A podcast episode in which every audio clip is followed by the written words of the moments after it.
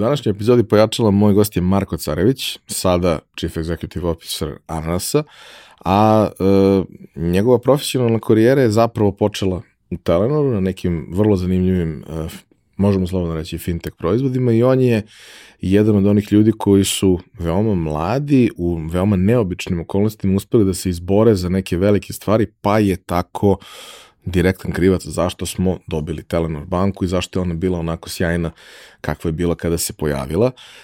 Njega karijera da, dalje vodila širom sveta.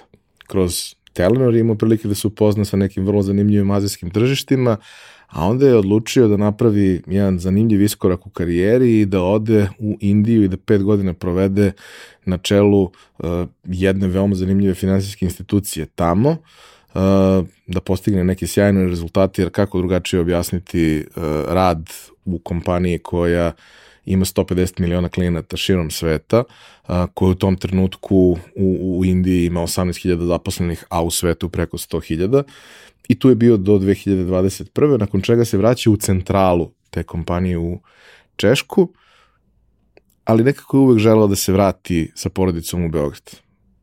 Kod dosta gostiju imate taj moment da kada dođu u te neke bitne životne godine, postaje važno da se vrate tamo gde su bili i zbog dece, i zbog svega, i zbog kulture i to je ono što se i njemu desilo. A vratio se da bude CEO Ananasa i da svojom mogu slobodno da kažem, ludačkom energijom i svojim sjajnim idejama predvodi ovu kompaniju na putu pravljenja nečega za što su svi mislili da skoro da je nemoguće.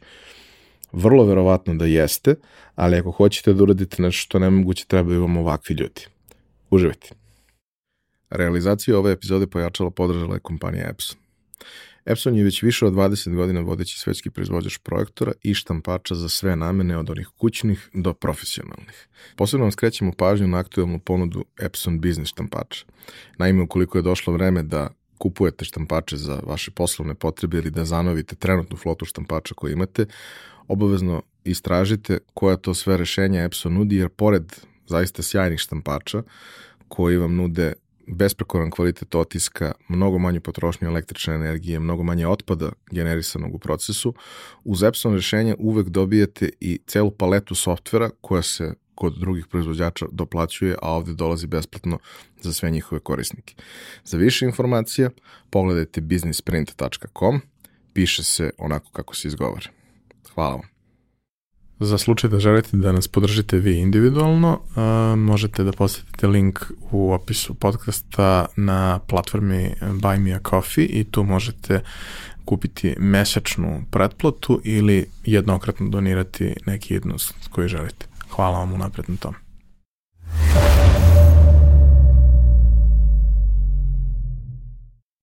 Marko, dobrodošao. Bolje te našao.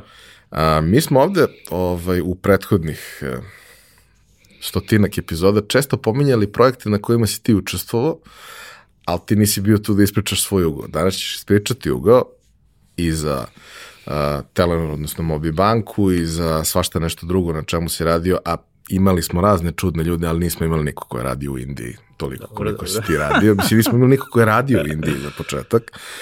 Ovaj, ali danas si ti uh, CEO Ananas. A to je u principu najbitnija stvar koja se desila u, u elektronskoj trgovini od trenutka kada je ona izmišljena.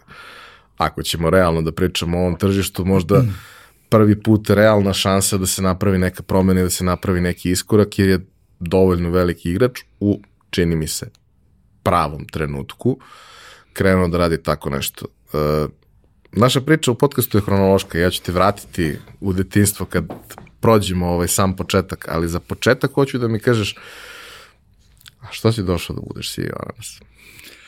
Uh, a, pa posle šest godina inostranstva ima tu dosta nostalgije, dvoje dece koje su baka, deka slabo viđali, to je jedan od trigera. A drugo, ovaj, to nekako kad se napreduje u karijeri i tako dalje, onda ovaj, u nekom trenutku čovjek hoće se baviti stvarima koje, koje voli da radi. Ovaj, I to je bilo ovaj, situacija u, u mom slučaju, znači sa jedne HQ role koja je izrazito odgovorna, ogromna kompanija sa 150 miliona klijenata u 11 tržišta na svetu, ovaj, ipak je to mnogo bilo filozofije za mene, ovaj, bilo je predaleko od tržišta, znači ono, posle pet godina pakla ovaj, u Indiji, pre toga Telenor banka, down to ground, sa klijentima, razumevanje i to, sedeti negde u HQ i tu negde da kažem, koučovati i, i asistirati, ajde, možda to najbolja reč, ovaj, CMO-ovima u zemljama nije, nije, bilo, nije bilo baš toliko interesantno. I onda, eto, ovaj, projekat je trebalo da krene, ovde ananas, ja nisam ni znao pravo da kažem ovaj, za to i onda kad su, kad su me kontaktirali definitivno bilo je onako breaking point, znači gde mnogi stvari naravno kad se kreću po prvi put su nepoznate, puno stvari se naučilo i shvatilo se, ja mislim da je dosta veće nego što se mislilo. Ove, I tu negde dolazi meni poziv, ja kažem, ako je teško, onda ja. Ovaj, tako da, da nije bilo teško, ne bi bilo ni mene. e, generalno, da kažemo, tim je internacionalan, okuplja zaista sjajne ljude, pripremne aktivnosti, pričala je Marija kada je bila, su bile prilično obimne, kompleksne, niko ulazak u ovako nešto nije shvatio olako i to je možda razlog zašto to ima šansu da uspe. Jer potpuno je drugačije od bilo čega drugog. Ovaj, I kompleksnije i sveobuhvatnije. Ali dobro, pričat ćemo o ananasu, pričat ćemo o tvojoj uzi, pričat ćemo o svemu što je prošlo, ali počinjemo onako kako uvijek počinjemo sa, sa svim gostima koji su bili tu sa pitanjem, manč me ovo pitanjem. Šta si te da budeš kad porasteš? Šta sam htio da budem kad porastem? Jo, pa htio sam, ja mislim da ono, najranije što se sećam jeste neki astronaut, ovaj, uvijek me to interesovalo, imam i sad kući teleskop ogroman, ovaj, ono, sa sela, deca, sedeš, gledaš zvezde, znaš, ne, on, ja Segu sam vidio te kad sam napunio, ono, 12 godina, ovaj, tako da morali smo nečim da se zanimamo, pa, ovaj, ali to je, eto, dovelo možda do negde, do profilisanja ka tom nekom inženjerskom putu kasnije, znači, nakon gimnazije upisivanja ETF-a, da kažem, ali, ETF je super poslužio da shvatim da ne bi to da radim. Ovaj, dao mi je puno u smislu logike, u smislu dedukcije, razmišljanja, ovaj, ali negde na kraju studija ovaj, sa završnim radom sam ovaj, da kažem, odbio ponudu da budem inženjer u jednoj velikoj kompaniji ovaj, u inostranstvu i neke ponude za nastavak studija na doktorskim u Americi i tako dalje i odlučio se da uđem u biznis, odnosno da budem sa biznis strane kao neko ko potpuno razume onu drugu stranu, Ovo, I mislim da je to ono spoj sinergija do skora, dok nisam došao nas kad me neko pita šta radiš, ja kažem ja sam direktor marketinga u finansijskim institucijama uh, sa IT backgroundom. Ovaj tako Sreća da, nije komplikovan. Tako je. Tako da taj spoj ovaj negde ti daje ono kako se kaže na srpskom, holistik, ovaj, holističko, holističko viđenje stvari, gde razumemo i konsekvence i kompleksnost i business opportunity i sve. Tako da definitivno mislim da je to, jako je ono, deči san negde profilisao kasnije, ovaj, pošto jel te u Srbiji nema škole za astronaute, ovo je bilo second best. uh, upravo to je i razlog zašto sve svoje goste to pitam, zato što na neki način svi oni koji su uspešni i zadovoljni su našli način da inkorporiraju to što su hteli da budu kad porastu u, u nekom svom kasnijem životu. Ali vrlo često nas taj neki put koji prolazimo ovaj, vodi kroz uh, dosta čudne ovaj, momente, dosta čudne situacije i pravimo neke izbore koji nam u tom trenutku deluju dobro, ispostavi se možda da, da nisu. Uh, voleo bih, pošto, mislim, nije baš, nije baš tek tako upisati ETF, a nije baš tek tako ni završiti ga. Mislim, ti si sad pretrčao kroz to i kao to je sve bilo manje više piece of cake nikom to nije bilo piece of cake ko, ko je to upisao uh, i ko se kasnije opredelio da, da, da, da od, izgura do kraja tu celu priču, jer ako te negde ono, headhuntuju na prvoj godini, headhuntuju te na, na, na ETF-u, ali uopšte kao, zašto baš taj izbor? Pa, ajde ovako, uh, logika. Mislim da ja kao, i svi koji me znaju to kažu, meni je ono, zdrav razum, odnosno logičko kritičko razmišljanje nešto što volim i meni je kad imamo diskusije i pomenu si i Mariju i, i, i sa drugim kolegama, to je uvek, to se ne doživljava kao borba, nego je to prosto, iz toga izlazimo svi bolji šta god bio output. I ta neka logika, ovaj, i naravno kroz srednju školu i kroz osnovno takmičenje matematike, fizike i tako dalje, negde profilišu ka tom smeru. Ono što je definitivno meni bilo ovaj, jedan od glavnih kriterijuma jeste da ETF u to vreme, verujem i sada, nije teorijski toliko. kao što su drugi fakulteti. Ono što ja mrzim jeste reprodukcija znanja radi reprodukcije. Svi sad imamo i smartfonove, ko nema u glavi ima u Google-u, ovaj, informacija nije jednako znanju. Tako da ETF kao takav, ja se sećam da sam završio tih koliko pet godina, ovaj, jedan ispit je bio gde sam ja morao da učim teoriju. Znači, svi ostali ispiti su bili napravljeni na način da se praktično primenjuje ono što je naučeno. Znači, uzmeš knjigu, pročitaš, čak na određenim ispitima je bilo dozvoljeno, doneseš šta god hoćeš, knjige i ovaj, zato što... Ako ti znaš gde da tražiš, ti već znaš dovoljno. Tako je, jer nije, nije to poenta, mislim, ovaj, i onda kroz te neke, da kažem, vežbe, odnosno zadatke i tako dalje, dosta se strukturira i tok misli, uvek postoji neki problem koji hoćeš da rešiš. Tako da me to i kasnije pratilo, bez obzira što nisam bio na inženjerskoj strani, pričat ćemo o tome, svi projekti koje sam ja radio su bili, ono što bi običan narod rekao, koske, ali to su stvari koje nisu rađene ranije, gde ne ideš utabanim putem. Znači imaš neku ideju, vidio si neke rol modele, ali nikad ne možeš da kopiraš jedan na jedan bilo koje drugo tržište, bilo koju drugu priču, uvek su okolnosti drugačije, tako da jako puno prilagođavanja, jako puno problema koji su sjajni za rešavanje i to je ovaj... Ne, ti si nekako sebi, ja to volim da kažem za, za moje goste često, ovaj, ti si jedan od onih što voli sebi komplikuje život. Tako je. Ovaj... Ja, ja na intervju, inače, izvini što te prekidam, na intervju pitam često pitanje šta te čini da se osjećaš bitnim. Ovaj, I to, to jako, kad neko iskreno odgovori, jako puno može da kaže i o čoveku, osobi i o tome kao menadžer kako da motivišeš tu osobu. Meni je to pitanje jasno uvek bilo u glavi kad se ja osjećam bitnim, kad nas deset sedi za stolom i svi kažemo, a u, brate, kako ćemo ovo? I svi kažu, ne znam. Ja kažem, evo ja ću. Oni kažu, a kako? Ja kažem, nemam pojma, ali ću da ga razvalim. I to je ovaj, što mene onda ovaj, dodatno motiviše, jer po, po, po definiciji nije lako. I mislim da to je neki savet ovaj, koji ja dajem mlađim kolegama, ovaj, ako hoćete brzo da napredujete u karijeri, uzmite se stvari koje niko neće. Znači, koje su najteže, gde je velika verovatnoća za neuspeh, ali to se i toleriše i drugačije se gleda na te ljudi, to toliko ojača čoveka i nekako, da kažem, naučiš da se fokusiraš, naučiš da prepoznaš ono, early indicators gde će nešto da se desi loše i da reaguješ u vremenu kad možeš da adresiraš potencijalne probleme, a ne samo da posle konstatuješ posledice. Što je... Vidi, mislim, sličan pristup je imala i Marija. Tako da Slično. izgleda da postoji nešto u svemu tome i slažem se. Ja često kažem kada, kada me zovu na neke projekte i ne znam, ono, posle kao radimo neku evaluaciju internu i tako dalje, kao, pa dobro, brate, nisu baš morali da te zovu na, pa da je lako, ne bi mene zvali.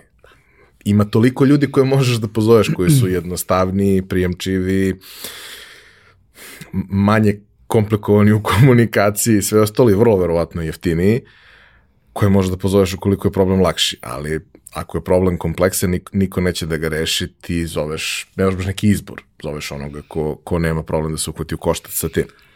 Uh, rekao si da uh, si na kraju faksa uh, imao ponude za, za razne neka opcije za zaposlenje i mislim da to onako dosta bitna stvar koju, koju često klinci ovaj, promašimo, dragi prijatelj Đolo Jovanović mi je to davno pričao, na, na privatnom fakultetu koji je on završio, najvažnija stvar se desila na prvom predavanju gde im je profesor iz menadžmenta rekao, deco, ako budete nakon faksa morali da tražite posao, nešto niste uradili kako da, treba. Da, da. Ovo, ima toliko načina da se nametneš, ima toliko načina da pokažeš ko si, da se upoznaš sa ljudima, posebno sada kada sve više ima i studentskih organizacija i događaja i svega prilike za neku interakciju. I kao ako za te, recimo, posljednje dve godine kad su ljudi najaktivniji, niste ni na koga ostavili utisak da vam kaže, e, kad završiš, čekate mesto interna kod mene ili nešto tako, slažem onda se, negde postoji ovaj problem. A e, kako kod tebe to izgledalo? Rekao si šta si odbio, a šta si prihvatio i zašto? E, ovaj, tad je u Telenoru postojala pozicija, zvala se Product Manager Payment Services. Niko, ta pozicija nije postojala nigde drugde u Srbiji. Ovaj, A product management kao takav je nešto što spaja, da kažem, i tehnologiju i biznis i to mi je bilo idealno mesto. Znači, to mi je negde već bilo jasno u glavi. Znači, kad sam to, što sam rekao, bio klasične inženjerske pozicije, bilo mi jasno da hoću da budem business creator. Znači, ne neki tamo analist ili bilo šta, nego neko ko može da kreira. Ono što što je dodatna prednost product developmenta kao takvo, kao cele oblasti, bez obzira u kojoj industriji, jeste što po definiciji ti postaješ najveći ekspert u toj oblasti. I to je... Imaš najbolj... najširu sliku. najbrži put, zato što praviš nešto od nule, niko drugi ne zna. Znači, ne, nemaš konkurenciju. Znači, nije da si najpametniji na svetu, nemaš konkurenciju. I sećam se razgovora za posao, oni su tražili nekog sa iskustvom, ja sam bio tamo, ovaj, bio je jako interesantan intervju, sećam se, ovaj, postoje mi pitanja, navedi mi, ne znam, tri neuspešna primjera paymentsa u svetu ovaj, od telkova. Ja kažem, daj mi taj laptop i 10 minuta i navešću ti 33 primjera. Jer, I to pokazuje proces znači, učenja. Ovaj, ne uplašiš se od problema, nego, nego ga prihvatiš i kad su me pitali za koju platu bi radio, ja sam rekao za džabe.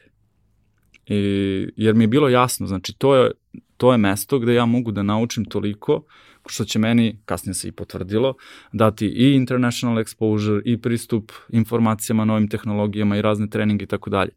U roku samo dve, tri godine, kad je taj payments industry postao fokus u, u Telenoru, ja već 2011. 12.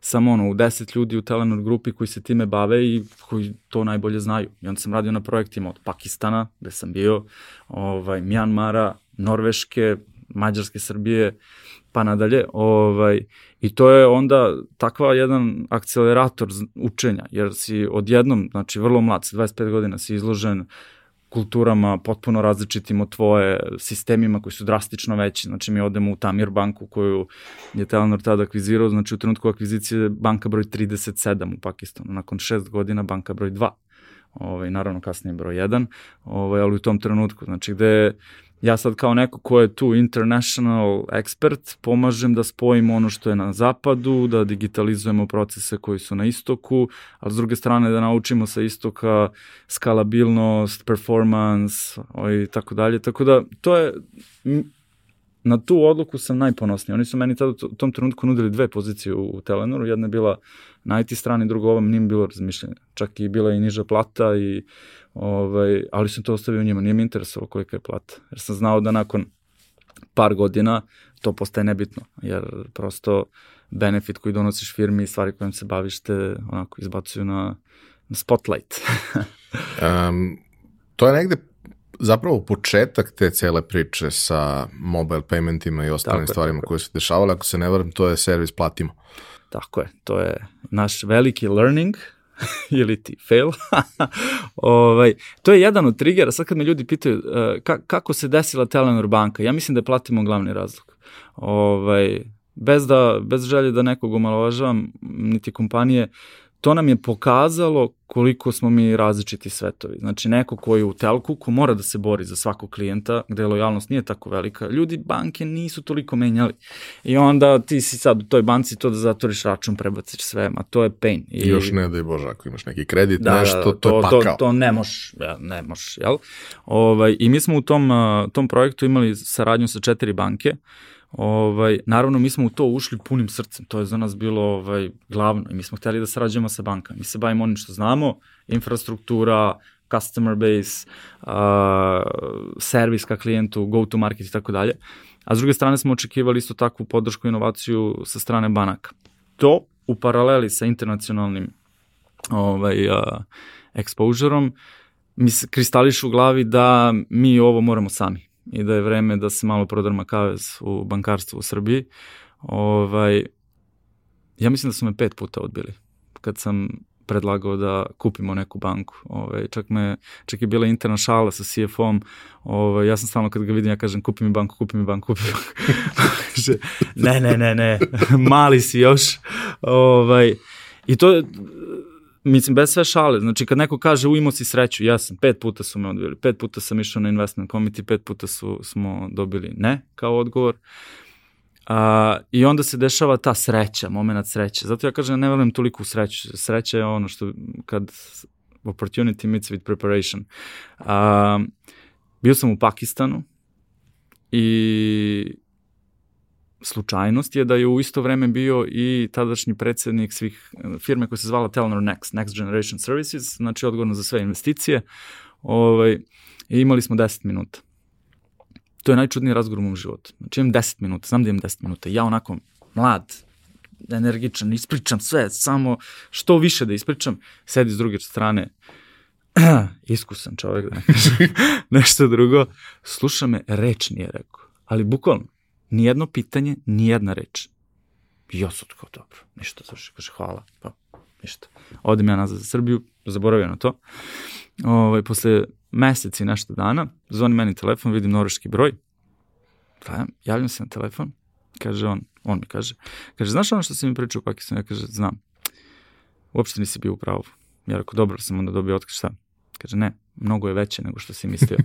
Kaže, nisam teo da ti kažem, zainteresuo si me, ja sam unajmio McKinsey da mi uradi ono quick assessment i pokazali su mi da je potencijal još veći nego što si ti ispričao, pa sam hteo tebi prvo da kažem, sad ću da ti zovem CEO da mu kažem da kupujemo banku u Srbiji. I ja sad sedim, onako, osmeh od ujeta do ujeta i čekam. Prolazi jedno pola sata, stiže CMO, crven CEO, do mene kao moramo nešto da ti kažemo, a ja ne mogu da skinem osmeh. Ja kao, a ti već znaš, a? Jer znam. I onda pitanje, how the fuck did you do it? o, tako da eto, to, toliko o sreći, onda se kreće u taj projekat, Naravno, ja kao vođa projekta biram svog budućeg šefa, ne može u bankarstvu da se bude šef ovaj, tako mlad. I, mislim, i to, to ne karikiram sad, nisam sarkastičan, nego zaista mislim, zato što je to jedan ozbiljan biznis, regulisan. I potpuno drugačiji. I potpuno drugačiji. I onda mi smo tu napravili neku ekipu, ovaj, ja kažem, sve smo ludake zaposlili, ovaj, bez obzira na, na, na pozadinu, iskustvo, imali smo devojku koja je završila japanski, imali smo ekonomiste, imali smo IT-evce, imali smo, imali smo i par bankara, ali smo pravili banku za nas, kao za, za klijente i to je bio najveći, najveći kriterijum. I sećam se, tendera za core banking sistem, mi stavimo da je showstopper, što znači diskvalifikacija sa tendera, ako račun ne može da se otvori za manje od 3 minuta. Pritom neću da pominjem koliko je otvaranje računa u Srbiji u to vreme trajalo. I svi dolazi i kažu, vi niste normalni, pa ne, ne može za tri, manje od 3 minuta, ljudi, to je banka. Kao, ja kažem, pa ne znam, vi ste jedini koji se žale. Ovi su i ostali rekli može. I da vidiš kako sad svi...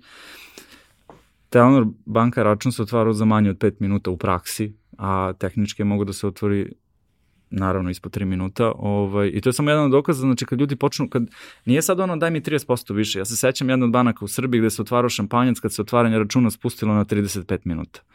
Znaš, ovaj, Isto tako sad i u Indiji, ali ajde doći ćemo do toga kad je bilo za, za odobrenje kredita i celu aplikaciju i to. Nismo, mi nismo više pričali o minutima, mi smo pričali o sekundama. Znači za 57 sekundi od nule do izašao sa odobrenim kreditom za laptop, na primjer. Ovaj, pa sad možemo da pričam koliko to traje i dalje u Srbiji. Ovaj, tako da je bilo potpuno drugačiji pristup. Znači, mi nismo, nama je velika inspiracija bila Air banka, Češka, koja je jedna od prvih, oni danas se to zove ovaj, uh, neobanks, odnosno da kažemo banke koje nisu banke, mislim jesu banke po licenci i po biznisu, ali se potpuno drugačije, potpuno drugačije pristupaju. Ja se sećam njihovog jako moćnog slogana koji kaže, i do dan danas ga nisu promenili, imao sam kasnije u karijeri jel, tu sreću da sarađujem sa njima, ovaj, a, koji kaže i banku možeš da voliš.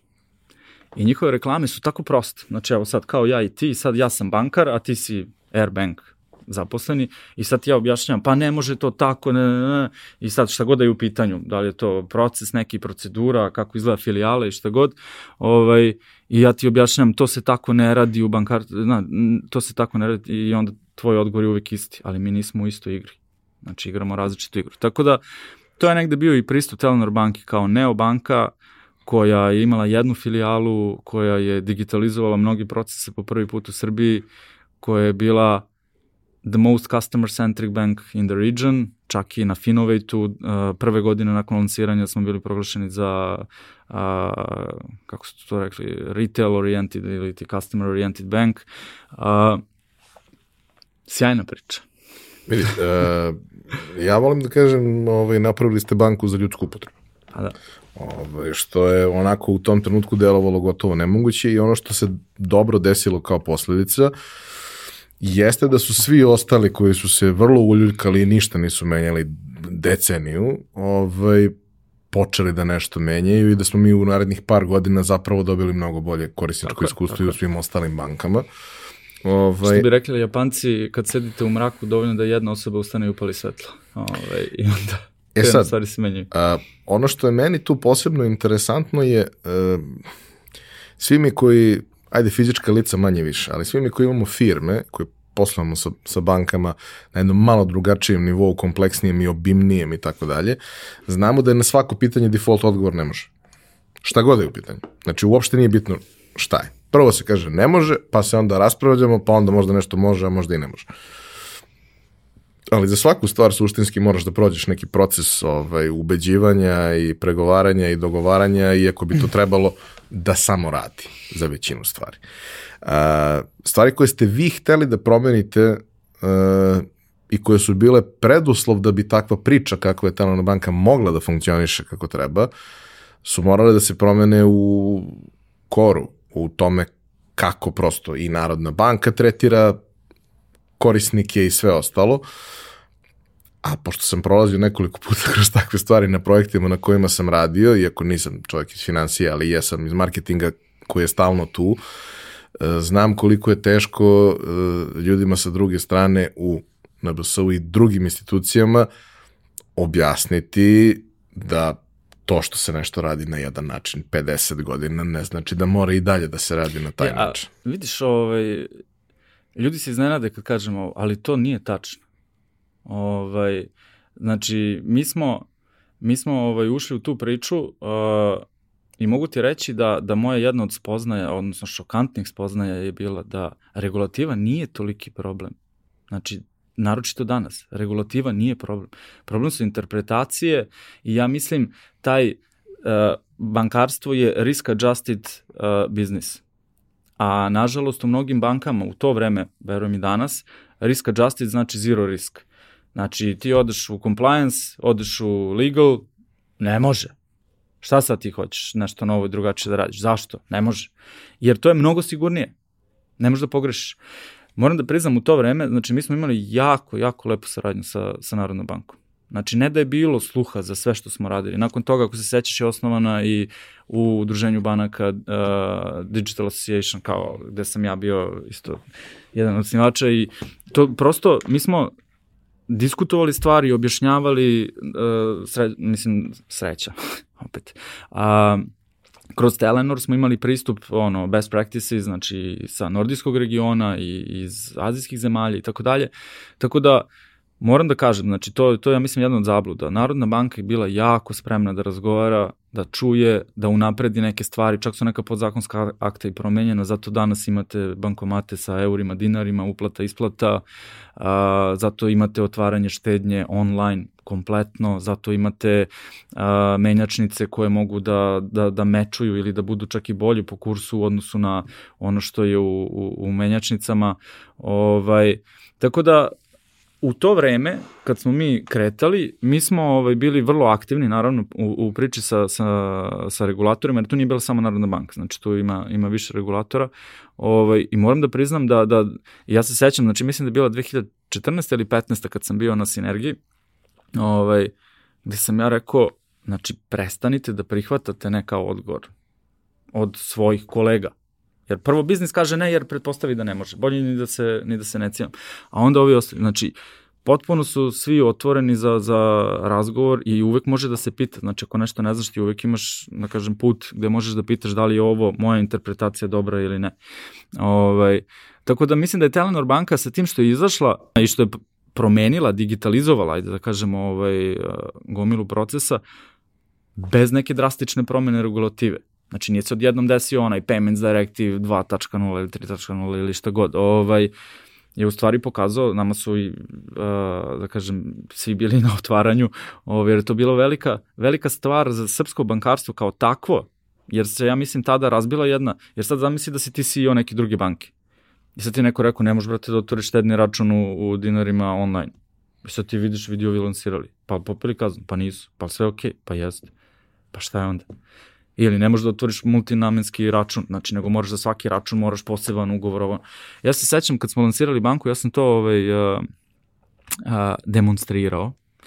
Uh, doneo sam pravi fajl ovaj, klijenta koji je imao odnos sa tadašnjim KBC-om, mi smo nakon toga akvizirali KBC. Ovaj, taj fajl je bio veliki. Znači, poseban ugovor za tekući račun, poseban ugovor za štednju, poseban ugovor za euro, poseban ugovor za kreditnu karticu, poseban ugovor za ovo, za ono, za elektronsko bankarstvo, za mobilno bankarstvo ugovor na 10 strana u papiru. Okay. Ovaj, znači, to je jedna hrpa papira, a u Telenor banci to se stalo na, na, pa ja sad ne sećam tačan broj strana, mislim da je bilo četiri ili pet. manje. Ovaj, tako da, nepotrebne komplikacije i prevelik, preveliko izbegavanje rizika je pravi problem u ovoj priči, a ne, ne regulativa. A sad ću ja tebe da ispričam jednu priču vezanu za Talaru banku. Pojavi se neki ludak koji pusti mogućnost da prilikom otvaranja računa možeš da upišeš broj računa. Tako je. I da ti kažeš koji hoćeš broj da imaš, Tako da biraš broj računa. U tom trenutku nema nešto, nije to, ne znam koliko korisnika imalo, nije bilo zauzeto, nije bilo ništa. I sad, naravno, sedneš, ti znaš, ono, prva tri broja su 1, 1, Da, 5, da, da. ok, to je u redu, ali nakon toga ti možeš da radiš šta hoćeš i sve i sad kontrolni broj. On se generiše na osnovu nečega. On Jest, nije nešto što jest. možeš da upišeš tek tako. Ne mogu ja da napravim račun koji je lepa da mi kontrolni broj se ne uklapa u račun. Ako znaš logiku računanja kontrolnog broja, Mi smo možeš da seli i probaš. napravili kalkulator. da. I onda smo upisivali opcije, bukvalno celo društvo, mislim, svi imamo Mogu me ono, pozvati da ti kažem. Ovaj. Nije problem, relativno brzo ga skapiraš. Probaš na tri uzorka, izvučeš kako i to je to. I bukvalno smo napravili u Excelu mali kalkulator i seli za celo društvo, popisali koje kombinacije dobro prolaze kroz taj kalkulator. Ovaj, da ne znam, eh, ne znam, meni je recimo broj računa i dan danas i to je jedina, jedini račun koji znam na pamet, uh, 115, 50, 40, 30, povlaka 10. Znaš, Tako to je. to. Da, I za gomilu drugara je ista I priča. već, a većina ljudi, mislim, 90 nešto posto ljudi je zadržavalo onaj defaultni što je bio u stvari broj telefona, telefona, jer da. telefon svi znaju. Mi smo, evo, ajde, kad kad si to pomenuo, ja sam teo da, da imamo slova, a ne brojeve, nego ne može. Ove, zato što su sve ostale aplikacije napravljene tako da možeš samo digits da uneseš. Karakter, znači, ja, da. mislim, mi bi teo, naravno ti u pozadini bi imao tehnički neki numeric uh, translation tog, tog teksta, ali je problem za druge banke. Znači, kad bi ti neko uplatio, onda, znaš, kako ja da ukucam Markov račun? Ne može kad mi, na primjer, ne znam sad, bilo banka X, nudi da tu u tom polju Samo stoje samo broj. numerički. Tako da ovaj, od toga smo morali da odustanemo, nažalost, ovaj, ali eto, bar je moglo da se bira. I to je bilo jedna stvar, kako, kako će ljudi da biraju račun? Pa mogu da biraju račun, mogu. Ili da, da pošalješ novce na, na mail nekom ili na, na telefon.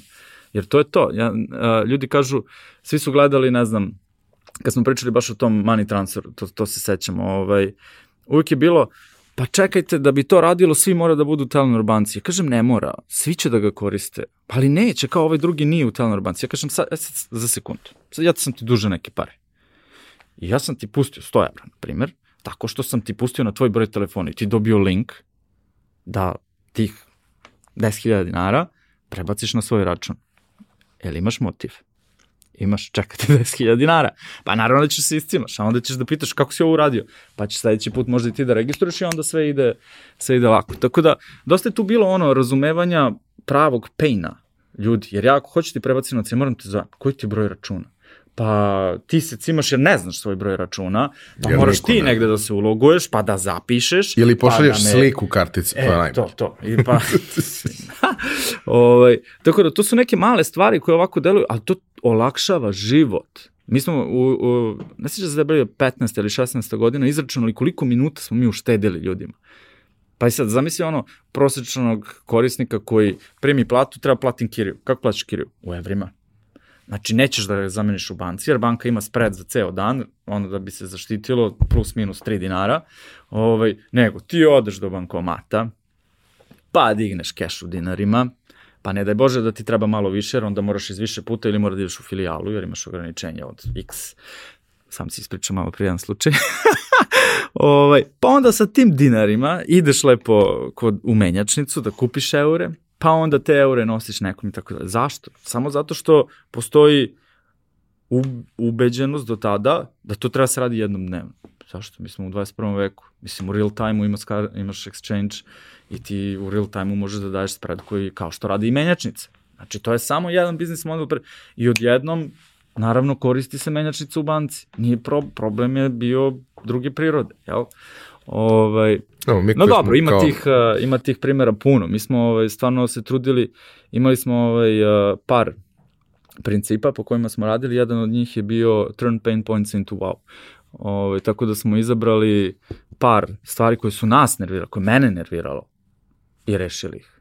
I onda mislim da je to i rezultiralo velikim zadovoljstvom, jako velikim rastom u to vreme, ovaj, dosta se pričalo, e sad, ostalo je istorija. E, jednu stvar bih samo još volao da, da, da mi ispričaš, a tiče se uh, Telenor banki u tom trenutku. E, bila je stalno priča, ok, krenuli smo, ok, to je, mi smo telko, ali imamo i banku, pa sad broj korisnika te banke kreće ozbiljno da raste, prelazi se neke desetine hiljada, prelazi se sto hiljada, prelazi se dvesta hiljada. To su sad već neke ozbiljne cifre za, za nešto što je u suštini transakcijno bankarstvo. Tako je. Ali ti u startu i prilično dugo nemaš ništa drugo od usluga osim transakcijnog bankarstva koje, mislim, jeste ono što ljudi najviše koriste, ali banke ne žive od toga. Tako je. Ne znam da me pitaš sad za biznis model ili za... Pa da, kako je to trebalo da bude zamišljeno, jer sam setup svega je suštinski bio prilično komplikovan i skup i obiman zadatak. Suštinski biznis model u pozadini je trebalo da bude ekstremno jednostavan. Znači, u Srbiji, kao i u mnogim zemljama, svi kupuju telefone za dinar. Taj telefon je dinar. Taj telefon neko mora plati. Samsungu, LG-u, kome god. do dolaska Telenor banke to je plaćano od strane Telenor shareholdera, odnosno svojim vlastitim kapitalom. Bankarstvo u tom smislu može jako brzo da napravi efekat gde taj working capital može da se finansira iz depozita. Zato je Telenor banka krenula sa depozitima inicijalno, jer su ti depoziti korišćeni upravo ovaj, uh, kasnije, znači kroz ovaj, kako se zove na srpskom, ne znam, gde dobiješ na rate, ali kroz banku. Ne znam koji je naziv tog servisa sada, da ne lupam. Ovaj, tako da je, da je benefit uh, za shareholdera jako veliki, jako brz. Ovaj, Tako da biznis model nije bio upitan u to vreme. A, s druge strane, ako me sad pitaš iskreno da pogledam, mislim da smo napravili ozbiljnu grešku. Ovaj, ozbiljnu grešku zbog pozicioniranja, jer baš si lepo si rekao, znači pozicioniranje na početku je bilo to je second bank, znači nije primary bank, iako ti transakcijno bankarstvo koristiš češće nego ostalo, ti kad uzmeš kredit negde vezan si za tu banku. Ona te uslovi, da primaš tamo platu da bi dobio bolje uslove, što je sve legitimno. Ovaj, ali mislim da smo tu možda bili pre, pre entuzijastični i ja sad kad pogledam u prošlost, mislim da je tu, ja lično trebalo je da slušam malo više ovaj, kolege sa bankarskim iskustvom, ovaj, jer u tom trenutku neću sebi da tražim opravdanje, mi smo bili mlada ekipa, nije nam bi trebalo mnogo kredita. Ove, šta sad krediti, mislim, doći će krediti, daj da mogu da, da ono, pošaljem nekom Tako da, jeste, jeste. Ovaj, definitivno ja mislim da, da tu smo izgubili neki momentum za pozicioniranje kao kompletna banka uh, koja ti nudi ono, 95% stvari koje ti treba. Mi smo bili vrlo jasni, ne idemo u SMI, ne idemo u a, bankarstvo, bilo kog tipa i tako dalje. Ali definitivno da bi, da sad kad bi vratio sat, ovaj, manje bi se, jer pazi, znaš šta je, evo to sam skoro objašnjam ovaj, mojim product managerima, ja sam dosta alergičan na, na reč MVP, ovaj, jer taj M je problem, obično minimum nije minimum nego se završi sa, ja sad kad mi neko kaže MVP, ja odmah u glavi vizualizujem, aha, to je A4 formata, ovde je nešto u sredini ta ideja i onda lista fičera. Pam, pam, pam, pam, pam, pam, pam. A, previše smo bili zaljubljeni u fičere. Ovaj, I mislim da tu smo možda u nekom trenutku malo izgubili dodir uh, sa realnošću u smislu šta je zaista bitnije za, za krajnje korisnike.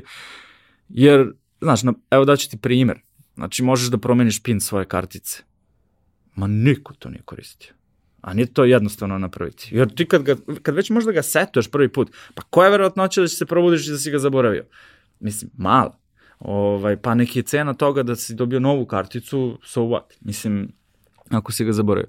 I tako, imalo je ta, tih nekih stvari koje su puno fokusa i eforta uh, trošile, a s druge strane smo da kažem, zbog toga i, i zaljubljenosti u tehnologiju i uh, nismo dobro izbalansirali ovaj, da kažem, drugi deo. Tako da, it's on me.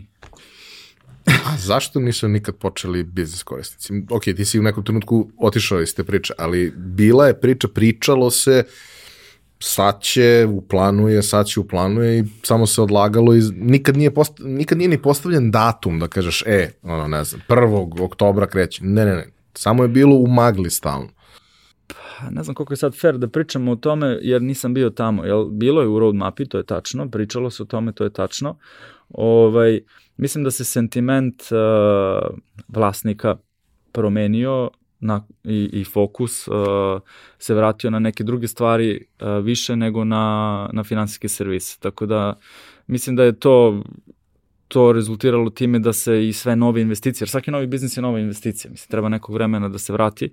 Ovaj, definitivno SME kao biznis, kao biznis segment, nije jednostavan. Ovaj, druga je ekspertiza, druga je regulativa, drugačiji su prodajni kanali, drugačije je sve je drugačije. Tako da definitivno bi to bio, neću da kažem kao projekat iz početka, ali je bar 50%, jer prosto nismo imali ni procene sisteme za, za biznis klijente. Tako da to nije mali task i onda u situaciji kad uh, ono, key stakeholders se pitaju šta sa ovim dalje i šta, šta ćemo inače da radimo sa, sa ovim ovakvim biznisima širom sveta, ovaj, rezultiralo time da je to samo negde prestalo da se priča o tome i, i nije se desilo. Eto, to je, to je moja interpretacija da se ogradi. E, zašto to pitam? Zato što u većini slučajeva... Zato što ti treba. ok, zato što mi treba i zato što sam, ono, kukam 7 godina. Ali, ovaj, u većini slučajeva uh, te neobanke uh, jesu potpuno fokusirane na rezidencijalne korisnike, na, na fizička lica, najčešće na mlade ljude sa nekom idejom, ok, mi ćemo da postanemo sastavni deo života mladih ljudi, oni će u nekom trenutku da odrastu. I onda će da postanu još zanimljiviji korisnici za nas sa, sa svim, celim setom bankarskih usluga, ali i ovo da, da, ali neki će da napraviti da biznise i... Da. E, zašto je, mislim, pošto si ti i kasnije se kroz karijeru bavio zapravo tim segmentom Tako je. finansijskog tržišta, zašto je to toliko drugačije od tradicionalnih banaka koje gledaju da se nekako, ajde da sad ne upotrebim neki grub izraz, da se ušanče koliko god je moguće u privredi, jer je to na neki način stabilno predvidljivo kad imaš ovaj, e, dovoljno dobar portfolio preduzeća u, u, među svojim korisnicima imaš i dosta kapitala za plasman i sve ostalo i znaš otprilike kako možeš da funkcionišeš, a ovo ide potpuno na drugu stranu. Ja pretpostavljam da ti podržavaš da budemo bias ono, na, u razgovoru. Ovaj, ja mislim da je odgovor jako prost. Ovaj, iz perspektive tradicionalnih banaka, ja sklopim jedan corporate deal, meni treba 100.000 klijenata retail da zaradim iste novce primjera radi. Znači sad, ne znam, evo ajde da se izmestim iz Srbije, ja sklopim sa MOL grupom u, u Češkoj, to pričamo o firmi koja ima revenju preko milijarde i ja sam im tu partner za transakcije, za šta god. Znaš koliko mi treba retail klijenata za to?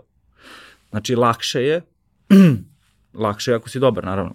Ovaj, a onda što iz perspektive neobanaka ne to što je lakše? Pa baš zato što su svi fokusirani tu i teže je.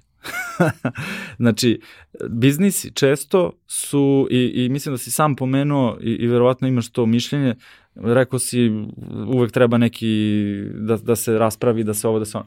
Znači, potrebe biznisa su dosta različite i potrebe biznisa nisu, nisu uvek linearne, znači nisu, ne treba ti uvek ista stvar, uvek ti treba nešto ovaj, malo drugačije i tako dalje. Tako da je mnogo više relationship based, mnogo više je specifik za konkretnu firmu, ovaj, niko nema sad ono, no, evo paleta proizvoda pa sad ti biraj, ne, treba mi kredit za nešto, za refinansiranje, za inovacije, za ovo, za ono, uvek neka doza tu konsultantskih, da nazovem, usluga postoji. Tako da, to nije nešto što može lako da se digitalizuje. To ne znači da ne postoji. Evo moj dobar drugar Lav, koga ti isto preporučujem da pozoveš, koji je napravio Penta banku u Nemačkoj, ovaj, koja je sad jedna ogromna banka, uspeli su to da urade za biznise, ali opet tu, ti si tu vrlo, ako ideš one to many, ti tu zadovoljavaš deo potreba dela tržišta. Ti nikad tu ne možeš da zadovoljiš potrebe većih kompanija ili sve potrebe malih kompanija. Znači, oni će uvek morati da imaju još nešto, jer ne nudiš sve jer je uvek nešto specifično. I vrlo je prosto, znači kada gledamo ovima je lakše i tu su fokusirani, znači tu, tu da kažem se drže, a s druge strane ovo malo zapostavljaju, tebi kao neobanku to je easy entry. S druge strane, mislim da se ljudi koji su tim novim bankama i tako dalje mnogo lakše poistovećuju sa, sa fizičkim licima jer su i sami korisnici. Znaju šta ih, znaš šta te nervira. Znaš, znaš sutra kad bi razvijao banku, ti bi rekao, je, ovo neću tako. Zato što mene nervira. I onda kad mene nervira, onda verovatno nervira još ljudi. I onda uzmeš i popraviš. Mislim, generalno to što se desilo u prethodnih deseta godina na tržištu finansijskih usluga u raznim oblicima jeste izuzetno interesantno. Ok, vrlo mali procenat toga je zapravo došao kod nas, ali ti kad vidiš ovaj, na, na drugim tržištima, čak i ne nešto preterano daleko odavde, kad vidiš šta sve postoji kao opcija, to je stvarno beskreno zanimljivo da je neko uspeo da napravi modele kako to može da funkcioniše mnogo brže, jednostavnije, bez fizičkih odlazaka, gde ti možeš veliku većinu stvari ono, za, za razne vrste e, mikrokredita, e, raznih drugih stvari koje su potpuno ono dostupne. Ja se sećam pre e, tri godine kad smo ušli u celu priču sa um, Ventura sa prvom crowd investing platformom kod nas, koliko je to bio pakao, iako si suštinski imao suštinski da, da. si imao ovaj, ekosistem i, i, i pravni okvir u kome to može da funkcioniš. Mislim, ne postoji zakon, ali po onome što postoji, to sve može da funkcioniše, imaš neka ograničenja koje u našem konkretnom slučaju jesu problem, tipa ne možeš da radiš sa dijasporom, što jeste veliki potencijal ovde za investiranje. Naravno da bi dijaspora mnogo volila da investira lokalno, ali to nije moguće, ono, cross border nije moguće u, mm. u toj varijanti. Ali sve ostalo jeste. Ako samo cross border nije moguće, ok, ajde da probamo da se izborimo da postane moguće uz neke ograničenja kroz neko vreme, ali kao, ti možeš da napraviš ovo i ti napraviš sve. I onda ne možeš da nađeš banku koja će ti bude partner za escrow račun. A sve, sve radi, sve super. I kao, je moguće da se mi bavimo ovim stvarima sad? Moguće je i, ok, nađe se rešenje. Raspraviš. Samo uz koju količinu bola za, za sve to. Ele, dobro, Telenor banka, stavljamo temu ad acta, Ovaj, šta se dešavalo nakon toga u tvojoj karijeri, pošto mislim da tad počinje da bude stvarno zanimljivo. ja mislim da je bio oktobar 2015. Sedim ja u Airport City, odem u kafić na sastanak. Ajde da nazovemo to sastankom. I dođe konobar i pita šta ćeš da popiješ, ja razmišljam, razmišljam i ne, ne, mogu da, ne mogu da skapiram šta bi, jer mi je to treći put tog dana da sedim u kafiću. ja ustanem, odem kod svog CEO-a, I kaže mu, ja ću da dam otkaz sledeće godine u junu. On naravno u šoku, mi misli da se zezam. Ja kažem, ne, me, mene sad možeš da zameniš sa fikusom. Bukvalno. Ne figurativno, bukvalno. I neće se primeti. I dugo je bilo, ovaj, ajde da kažem, ne baš tako, ali uh, prosto je došlo do nekog nivoa, možda i zasićenja kod mene, ali ovaj, banka jako brzo rasla, sve se uspostavilo i ništa, naravno, ja sam mu to rekao, ostalo mi u glavi i negde maja a, naredne godine, znači mesec dana pre tog juna, ovaj, stiže meni interesantan mail od PPF grupe, odnosno Home Kredita kao deo PPF grupe. Ovaj, u to vreme u Srbiji niko za to ne zna. Mislim, za tu firmu. Niko nije čuo. Sad su naravno, to je firma koja je prisutna i na našem tržištu, ogromna firma. I to je jedna od firmi za koje sam ja hteo da radim. I to je ono, kada ljudi kažu ja bi u Google-u, ja bi, ne znam, u Microsoftu, ja bi u Coca-Cola. Ne, ja sam te u PPF-u. Jer to je najveća kompanija u centralnoj istočnoj Evropi ili ti korporacija koja je pokazala kako ekipa iz, iz regiona, ajde da ga nazovemo regionom, može da se takmiči od Amerike do Hong Konga na svim teritorijama. Home Credit uh, kao takav, znači koje, ja, ja sam se uvek zezao, to je najveći nepoznat brend na svetu jer 150 miliona klijenata. Ovaj, Kina, Indija, Filipini, Indonezija, Vjetnam, Rusija, Kazahstan, US, Češka. Uh, uh, I taj mail, ja sam znao odmah to je to. Zato što u tom mailu je pisalo Marko, hoćeš da praviš Airbank u Indiji. A Airbanka, kao što sam malo pre rekao, naš role model, to, to ne možeš da kažeš ne. Znači, i to je malo potrajalo, ovaj, naravno, pošto je projekat, jel te, veliki i to, opet nisam otišao zato što je bilo lako, nego zato što je bilo teško. Ovaj, projekat je bio u vrlo ranoj fazi i sećam se, sećam se ovaj, uh, odlaska u Indiju prvi put, mislim tamo u Gurgaon, jel, 2016. Mislim, pošto sam ja pre toga bio izložen Aziji, i to hardcore Aziji, ne ono Hong Kong, Japan, Singapur. Lepe stvari. Nego Myanmar, Pakistan. Tvrde stvari. Znao sam da je to to. Znao sam da hoću u Aziju da idem. Znači, svi bi na zapad, ja bi na istok. Ovaj, ja bi u Aziju. A, tako da, najveće tržište na svetu, jedino tržište na svetu gde je ono, glava u glavu ti se ono tuku, odnosno takmiče Amazon, Walmart, znači dva najveća američka giganta, pa onda imaš Facebook kroz WhatsApp payment, jedino u Indiji, Google Pay, lansiran u Indiji prvi, Amazon Pay, lansiran u Indiji prvi, a onda imaš sve ove, da nazovemo, Kineze, odnosno Alibaba kroz Paytm, a, prisusto svih najvećih banaka na svetu, od Citya, Standard Chartera pa nadalje, oportunista kao što smo mi bili, ovaj, pa onda lokalna ozbiljna indijska ekipa. Svi se takmiče na jednom tržištu. Znači, to je najzahtevnije biznis tržište na svetu. To je tržište na kome lista ogromnih kompanija svetskih koje su bankrotirale je jako duga. Znaćemo, neka imena smo čuli svi ovaj, koji su ušli pa izašli iz raznih razloga, ovaj, ali istina je da je tamo konkurencija ogromna. Jer to je, to je zemlja koja je u velikom razvoju, svi to vide, jer, mislim, ono, budimo realni, osvojiti Indiju je veće nego osvojiti Evropu za 10 godina ili 20 godina. Evo sad skoro su postali treća najveća GDP, po GDP-u uh, zemlja. Tako da, to je bilo za mene i moju poziciju tada, znači kompanija za koju bih voleo da radim, mi nudi da pravim nešto slično ovome ovde, ali po rol modelu onoga koje je meni bio rol model na tržištu koje je najzahtevnije za svetu, pa đeš lepše. Ovaj, tako da se ja sa njima dogovaram, A, malčice se to produžilo, pošto sam u tom, jel te, pokušaju tamo, ovaj, a, pošto imaš ono, field visit, jel, da, da vidiš desi, jer se dešavalo da dođu stranci pa pobegnu, posle dve nedelje, pa sam učili lekciju i onda sad je bilo pravilo, pre nego što dođeš na ozbiljnim pozicijama, uvek imaš posetu, prvo nedelju dana, pa te odvedu u školu, u bolnicu, u restoran, da ti da znaš šta te čeka, ne da dođeš pa kuku lele. Ovaj, I a bio sam u Pakistanu po Indiji, vratim se ovde i nisam došao sam, donao sam nešto, neku boleštinu, ovaj, tako da sam bio, imao blizak susret sa, ono, sa, neću kažem smrću, ali ovaj, dve nedelje sam bio u, izolovan u karantinu za, na institutu za nepoznate bolesti, ovaj, sa temperaturom preko 40. Uh, Tako da je to malo produžilo. Ovaj, e, ja onda idem u Indiju tek sredinom oktobra te 2016. godine. Ovaj, Kažem, Ali simpatično je da nisi odustao nakon tog iskustva. Ne, ne, ne, ne. Ja sam rekao, ovaj, znaš ono, ja mislim u kaubojskim filmima, svako ima metak sa svojim imenom, znaš, to je bilo to. Probala Indija da me ubija, nije, nema sad. Je, je, ovo, sam, majke mi nikad nakon toga, znači niko mi ne veruje. Ja nijednom nisam imao stomačnih problema, niti bilo šta u Indiji. Znači, ne, pa posle toga. Znaš, tako da verovatno ja sam ono, svoj, svoje prebrodio.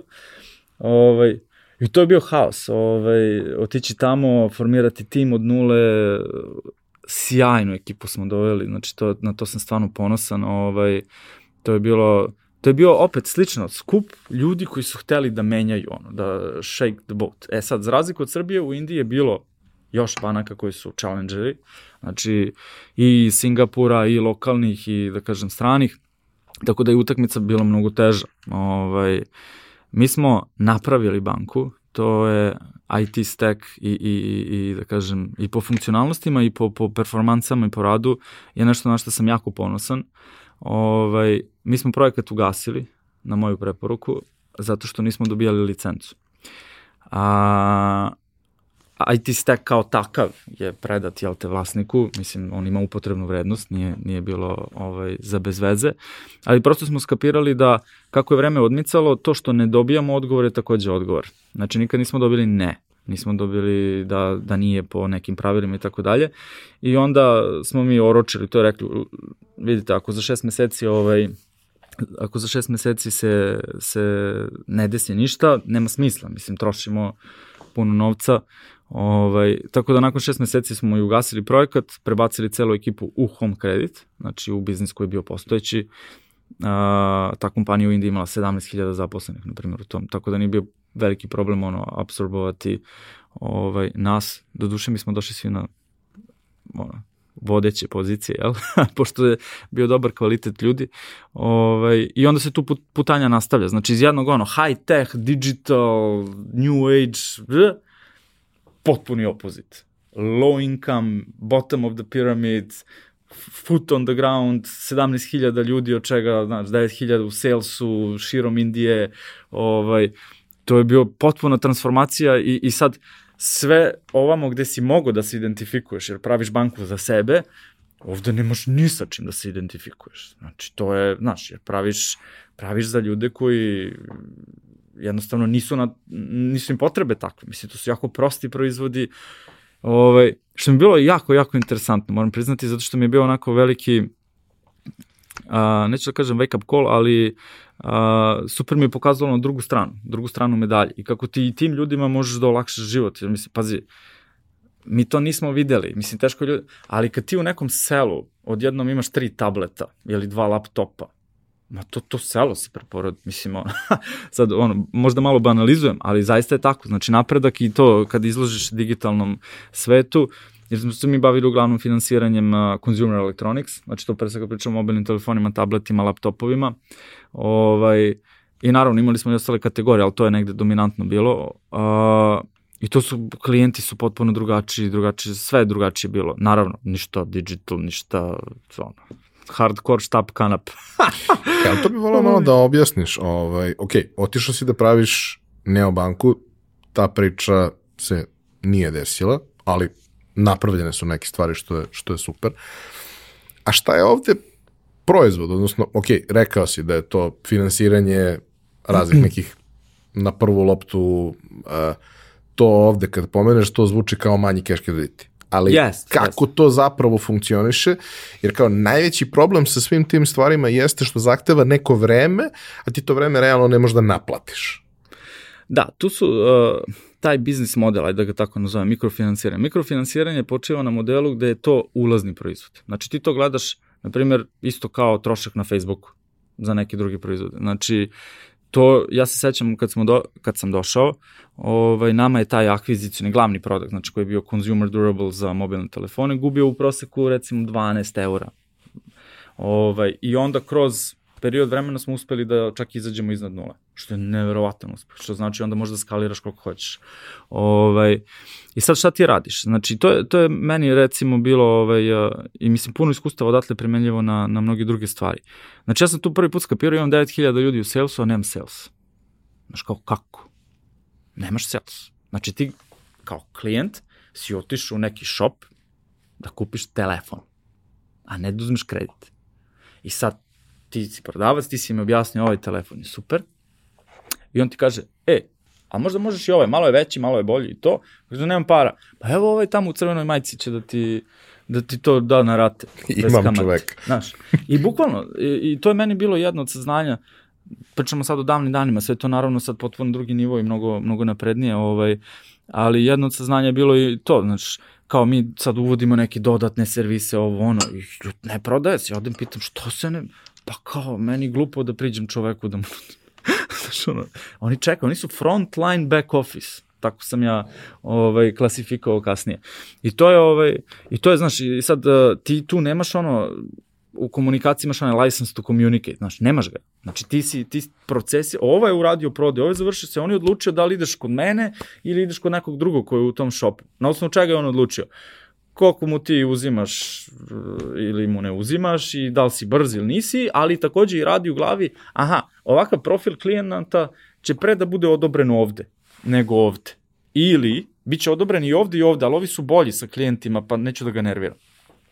Ne možeš da veruješ. Znači, te business owner u, u, na tom tržištu, on ti je jako inteligentan i o mnogo stvari misli, ali bez zazanja. Nama je, nama je veći broj prigovora bio na, ne znam, collection ka klijentima, jer to svi se znaju, to, to je tvoj kraj. Ja sam kupio od tebe telefon i sad ti si mi rekao idi kod ovog i sad ovi me zovu pet puta na dan, e nisi platio tri dana, šta me zovete? platit ću kad mogu. O, I odem tebi da se žalim. Šta si me namestio? Ovaj, tako da taj moment, znači, to, to je neverovatno. Ovaj, ali evo daću ti jedan primjer koji je meni, ono, Imamo mi neki servis dodatni, koji je jedan od stvari koji pomogu da to iz minusa dođe na nulu i ne prodaje se. E, ne prodaje se. I mi spuštali cene. Dig. Znaš, sve ono standardno što učiš u marketing školama. Ovaj, price test, A-B testing, bundling, a, ovo ono, majok. Ajmo incentiv ka ljudima veći, pa kaskadno, pa možda odeš u nebesa zaradi šest platao. Majok. I odemo mi sedimo u šopu, skapiramo da nemamo sales, nego imamo frontline, back office. Daj mi telefon, daj ti telefon. Nije ti ovdje.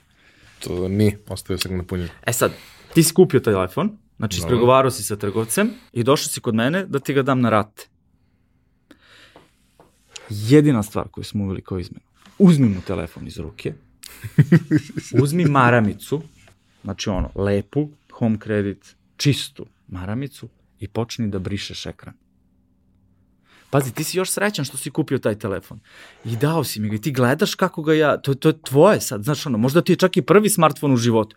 I ja ga sa takvom pažnjom brišem. Pa kažem, ej, jel znaš da kod mene možeš da produžiš garanciju za još godinu dana, košta samo 10 evra. Ti kažeš, stvarno, pa da, vidi kako je lep, možete... A znaš da možete se slomi ekran, imamo zaštitu i za to. ne banalizujem. Znači, sa ono, 20 nešto posto penetracija na 90 license to communicate. I to je, to je, ja ljudima kad pričam, ne rešava se sve IT-em, ne rešava se sve, znaš, ono, nekom biznis logikom, ono, Bruce Lee igra ping-pong s nunčakama protiv dvojice. Ne, ne mora, znaš. Može, može ovaj, biti mnogo prostije. A ti ono, human nature. Tako da to mi je, znaš, i onda sad kao, to ti je najveći uspeh. Znaš, to, što je to razlika u revenju? Kao sad neko te pita stavi to na roadmapu. Šta da stavi na roadmapu? Ono, čisti maramicom telefone. A kaži mi jednu stvar, znači ti si došao na to tržište koje je ogromno i koje je vrlo kompleksno u smislu uh, mnogo različitih jezika, prilično rasprostavljeno. Mi nemamo neku percepciju koliko je zapravo Indija velika, Da. ovaj, ali jeste mnogo velika. I sve to ono, u razvoju je jako lepo raste, ima baš onako dobru ovaj, uzlaznu putanju, ali prosto potrebno je neko vreme da da dođe na neki viši nivo. Dosta napreduju što se tiče obrazovanja i svega, dakle, stvarno jeste zemlja u razvoju koja, koju čeka izvesno svetla budućnost. A kad si ti negde, mislim, na, ne na početku, ali u radnoj fazi toga svega, to je prilično izazovno, a pričamo o skali koja je milijardu ljudi plus. Znači, milijardu ljudi plus, ono, hoćeš da otvoriš uh, banku u Srbiji na 7 miliona stanovnika, na 7 miliona stanovnika treba ti lupam 50 bankomata i ti si rešio problem dok ne dođeš do, ne znam, 500.000 korisnika, lupam cifre, ali Da. nije bitno, konačno je, sve je konačno, Da, da, ovde, tako. a ovde je sve beskonačno. Da, da, ja sam ti, mislim da si ti pomenuo onaj šok moj kad sam to prešao u home credit, sad odjednom si u tom biznisu i sad biznisu davanja kredita i kao, ok, ono, sad pričamo o 50.000 kredita, ja sad u glavi, ok, 50.000 mesečno, znači on, 600.000 godišnje, pa dobro, kao ono, u Srbiji najveća banka možda da, ne znam, 34.000, znači samo ono, 15 puta više. Oni kao, 50.000 dnevno. Ko, a? Dnevno. Ove, tako da skala je velika i ono što je, ja, kad god me neko pita nešto o Indiji, ja kažem be more specific, ovaj, Indija je kontinent.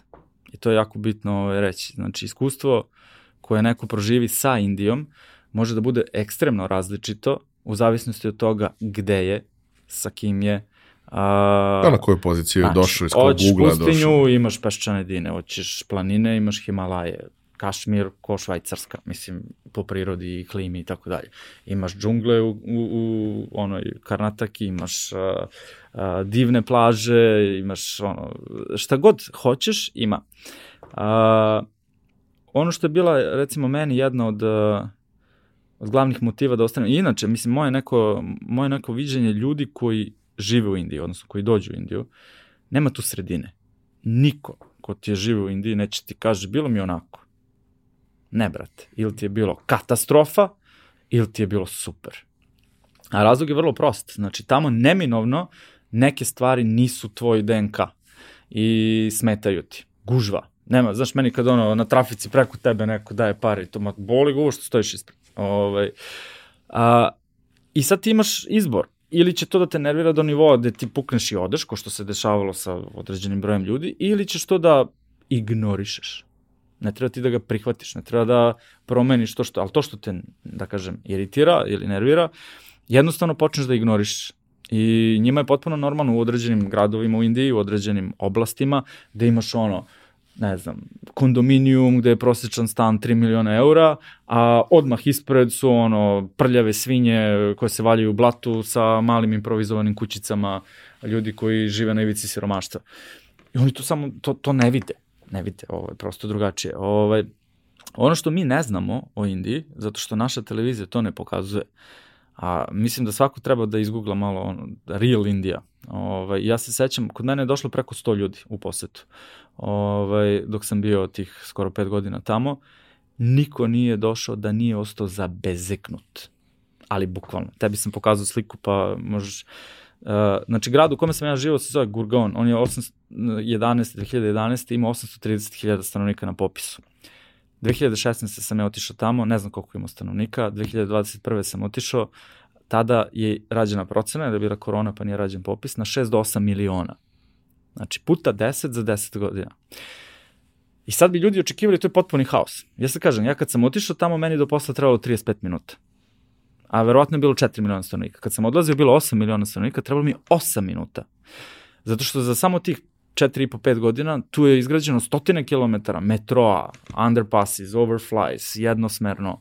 Ovaj, to je grad znači koje je veličine cele Srbije, mislim po populaciji, jel? ali se toliko ulagalo u tu infrastrukturu da ono, uvek znam kad idemo sa aerodroma pa sa taj autoput Delhi Gurgaon, pošto je to 30 km razdalje, neko Beograd i Pančevo, ovaj, taj autoput u jednom trenutku ima 27 traka u jednom smeru, 27 u drugom, znači nema kraja. Čovjek pogleda, kao, šta je ovo?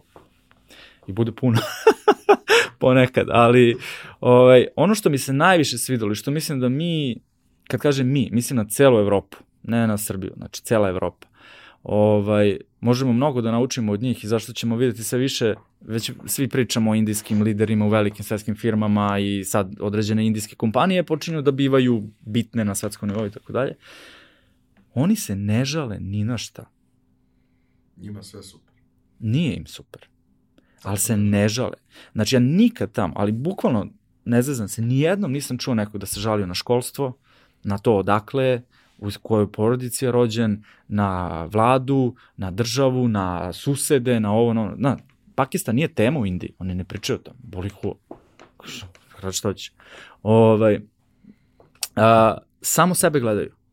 I jel sam mogo više? Jel sam mogo bolje? To je pitanje koje Indijac postavlja sebi. I small steps on. Uvek se poredimo odnosno na prošlu godinu. Znači, oni, ja i ti sad kad diskutujemo, sad smo ja i ti hipotetički dva indica, ja te ne pitam koliko si para zaradio ove godine. Ja te pitam koliko procenata si uvećao svoje bogatstvo ove godine? Pa makar tvoje bogatstvo bilo i veće, ako si ti uvećao za samo 10%, a ja za 20%, ti si slepac, ne ja. Ovo, jer ću da te stignem. Znaš, i to je nešto, taj, taj duh borbe, jer tamo ne postoji social security, ne postoji besplatno ni školstvo, ni zdravstvo, ok, jeftino je, ali nije dobro, ako hoćeš bolje, onda naravno mora da se plati. I ja mislim da taj moment triggeruje ljude na dva tipa ponašanja. Znači, prvo jeste da su jako bliski unutar porodice, jer se tako, tako si bolje protected, znači zaštićen, jer neko, lupam sad, slomiš nogu, banalizujem, pa ne možeš da radiš svoj posao, ima ko da te pokrije. A drugi efekt jeste ta konstantna akumulacija i uvećanje bogatstva. Tako da, kad bi mi sad izvukli prosečan, ono, prosečnu ušteđevinu po indicu u proteklih 10 godina, mislim da bi se šokirali. Jer to raste svake godine i to raste fino u procentalnom iznosu. ovaj, I to je nešto što, što mi najviše fali. Naprimjer, kad me ljudi pitaju šta ti fali iz Indije, fali mi to da, da mogu da vizualizujem progres, da vidim ljude koji su gladni, koji hoće, koji... I sad opet kažem, se zavisi u kojoj Indiji ste. Ja sam to iskusio, jer sam radio na super projektima, firmama, u korporativnom centru Indije, gde je sedište Google-a, Amazona, a, svih banaka i tako dalje. Znači da sam bio negde drugde, verovatno bi mi bio drugi doživlje. Sad ja, zato opet se ograničavam, ja pričam sad iz svog ličnog iskustva. To je, to je nešto što ja nisam vidio u Evropi, zato sam rekao da je za celu Evropu. Znači, vidio sam to u drugim azijskim zemljama, ta energija, to, to, to, tu se napredak podrazumeva, ti možeš da ga vizualizuješ. Znači, kad, kad gledaš koliko kvadrata se izgradi, koliko puteva, koliko... I to prosto a naravno sve to je jedan veliki haos, ali nekako manageable. Znaš šta, nekako mi se čini da za, za većinu uh, tih zemalja ta pozicija gde su oni u suštini prilično svesni svi da su da ono dolazi iz pozicije underdoga i da moraju da se bore za nešto i da im ništa ne pripada rođenjem, znaš. Ovaj, da je to u suštini razlog zašto oni imaju taj mindset. Zato što, ok, sada možda nisu u situaciji da ako se ne bore će umreti od gladi, ali pre dve generacije su bili tako u situaciji tako da ako se ne bore umreće od gladi. A mi konstantno imamo tu situaciju da razmišljamo uh, šta, država da uradi nešto i šta, ono, šta meni pripada time što sam rođen ovde u nebeskom narodu, ili u nebeskoj ovaj zemlji. fakultet ili onaj... I onda kad krećeš od toga, da, od pretpostavke da si ti vredan samo zato što postojiš, mnogo je teže da ono u glavi napraviš switch da se cimaš iako ne moraš. A razlika se pravi kad se cimaš onda kada ne moraš. Kada moraš, svi se cimaju. Da, da, Znači, da. to, tu, tu ne Slažem postoji se, slažem se. problem. Kod nas je još, ja mislim, i bolja situacija nego u određenim drugim državama, da ih ne imenujem gde sam živeo. u Dobro. smislu tog drajva, odnosno gladi i borbe i tako dalje.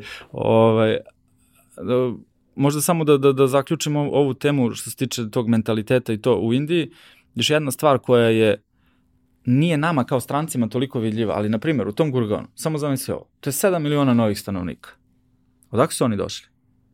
Pa iz celog sveta plus iz cele Indije. A to su potpuno različite kulture. Znači to jako je grad indijski sa 99,9% indijaca u tom gradu.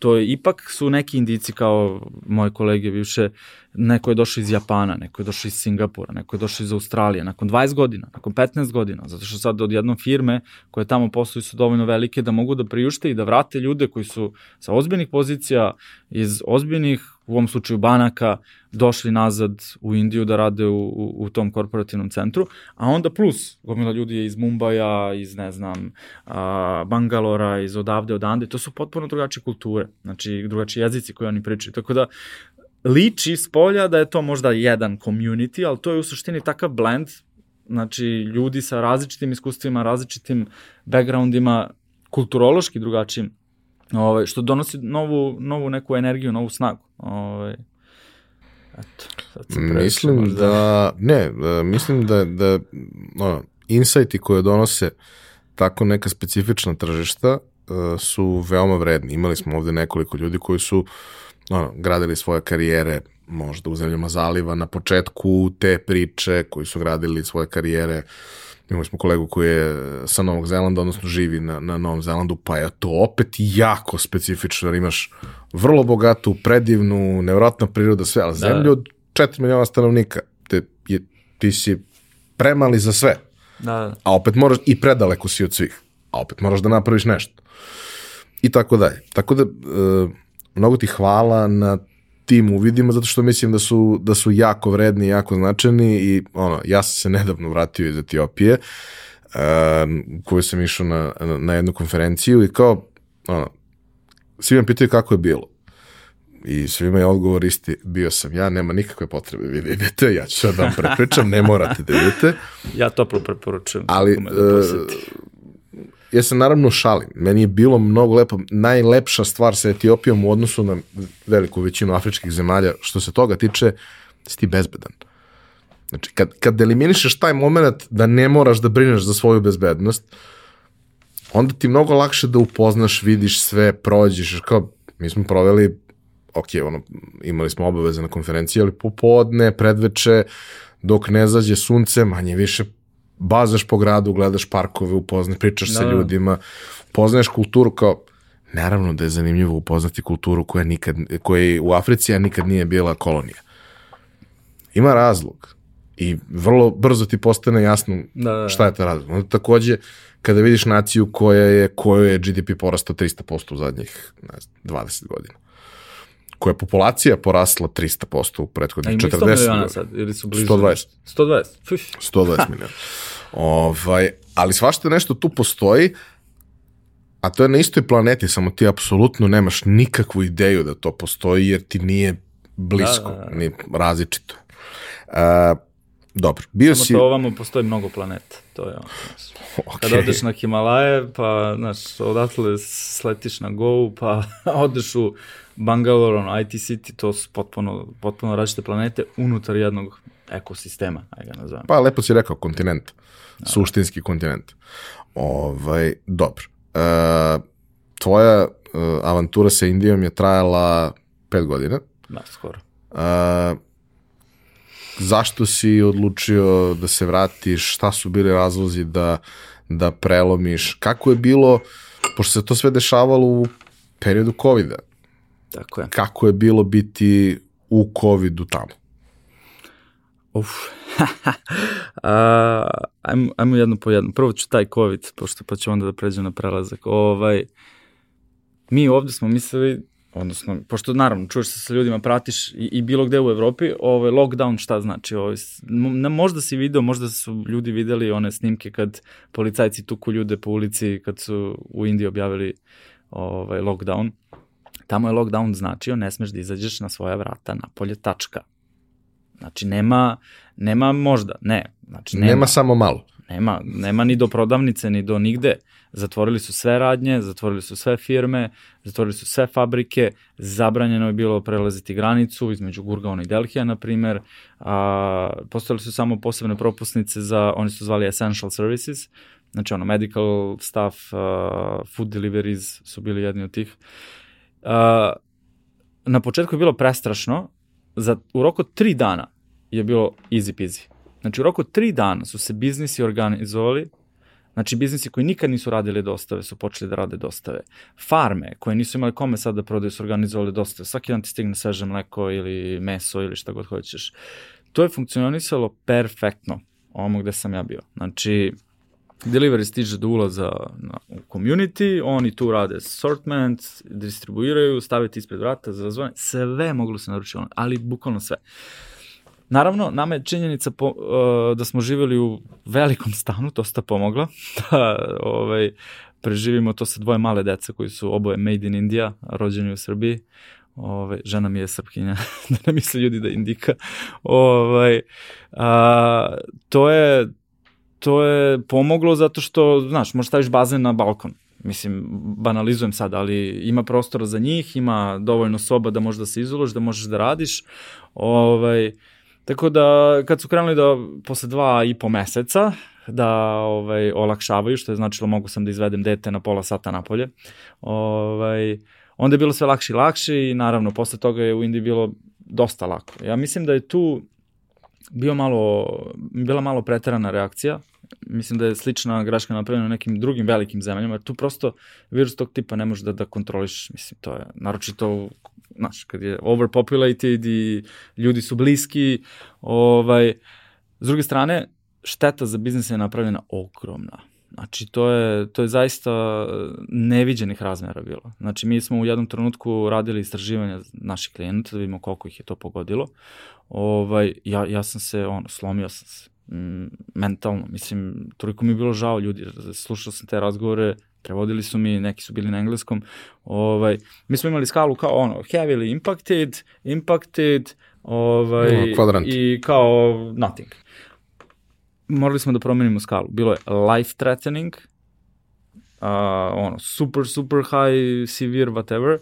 Nije bilo onog, nema, no, jer opet ponavljam, znači mi smo radili sa taj, ajde da kažeš, middle of the pyramid i malo ispod. Ovaj, iz velikih gradova se procenjuje da je nestalo, odnosno otišlo 170 miliona ljudi. Od tipa 400 400, 450, koliko ih inače živi. Znači, trećina populacije nestala u roku od tri dana. Ovaj, sve stalo. Nije bilo vozača, nije bilo deliverija, nije bilo...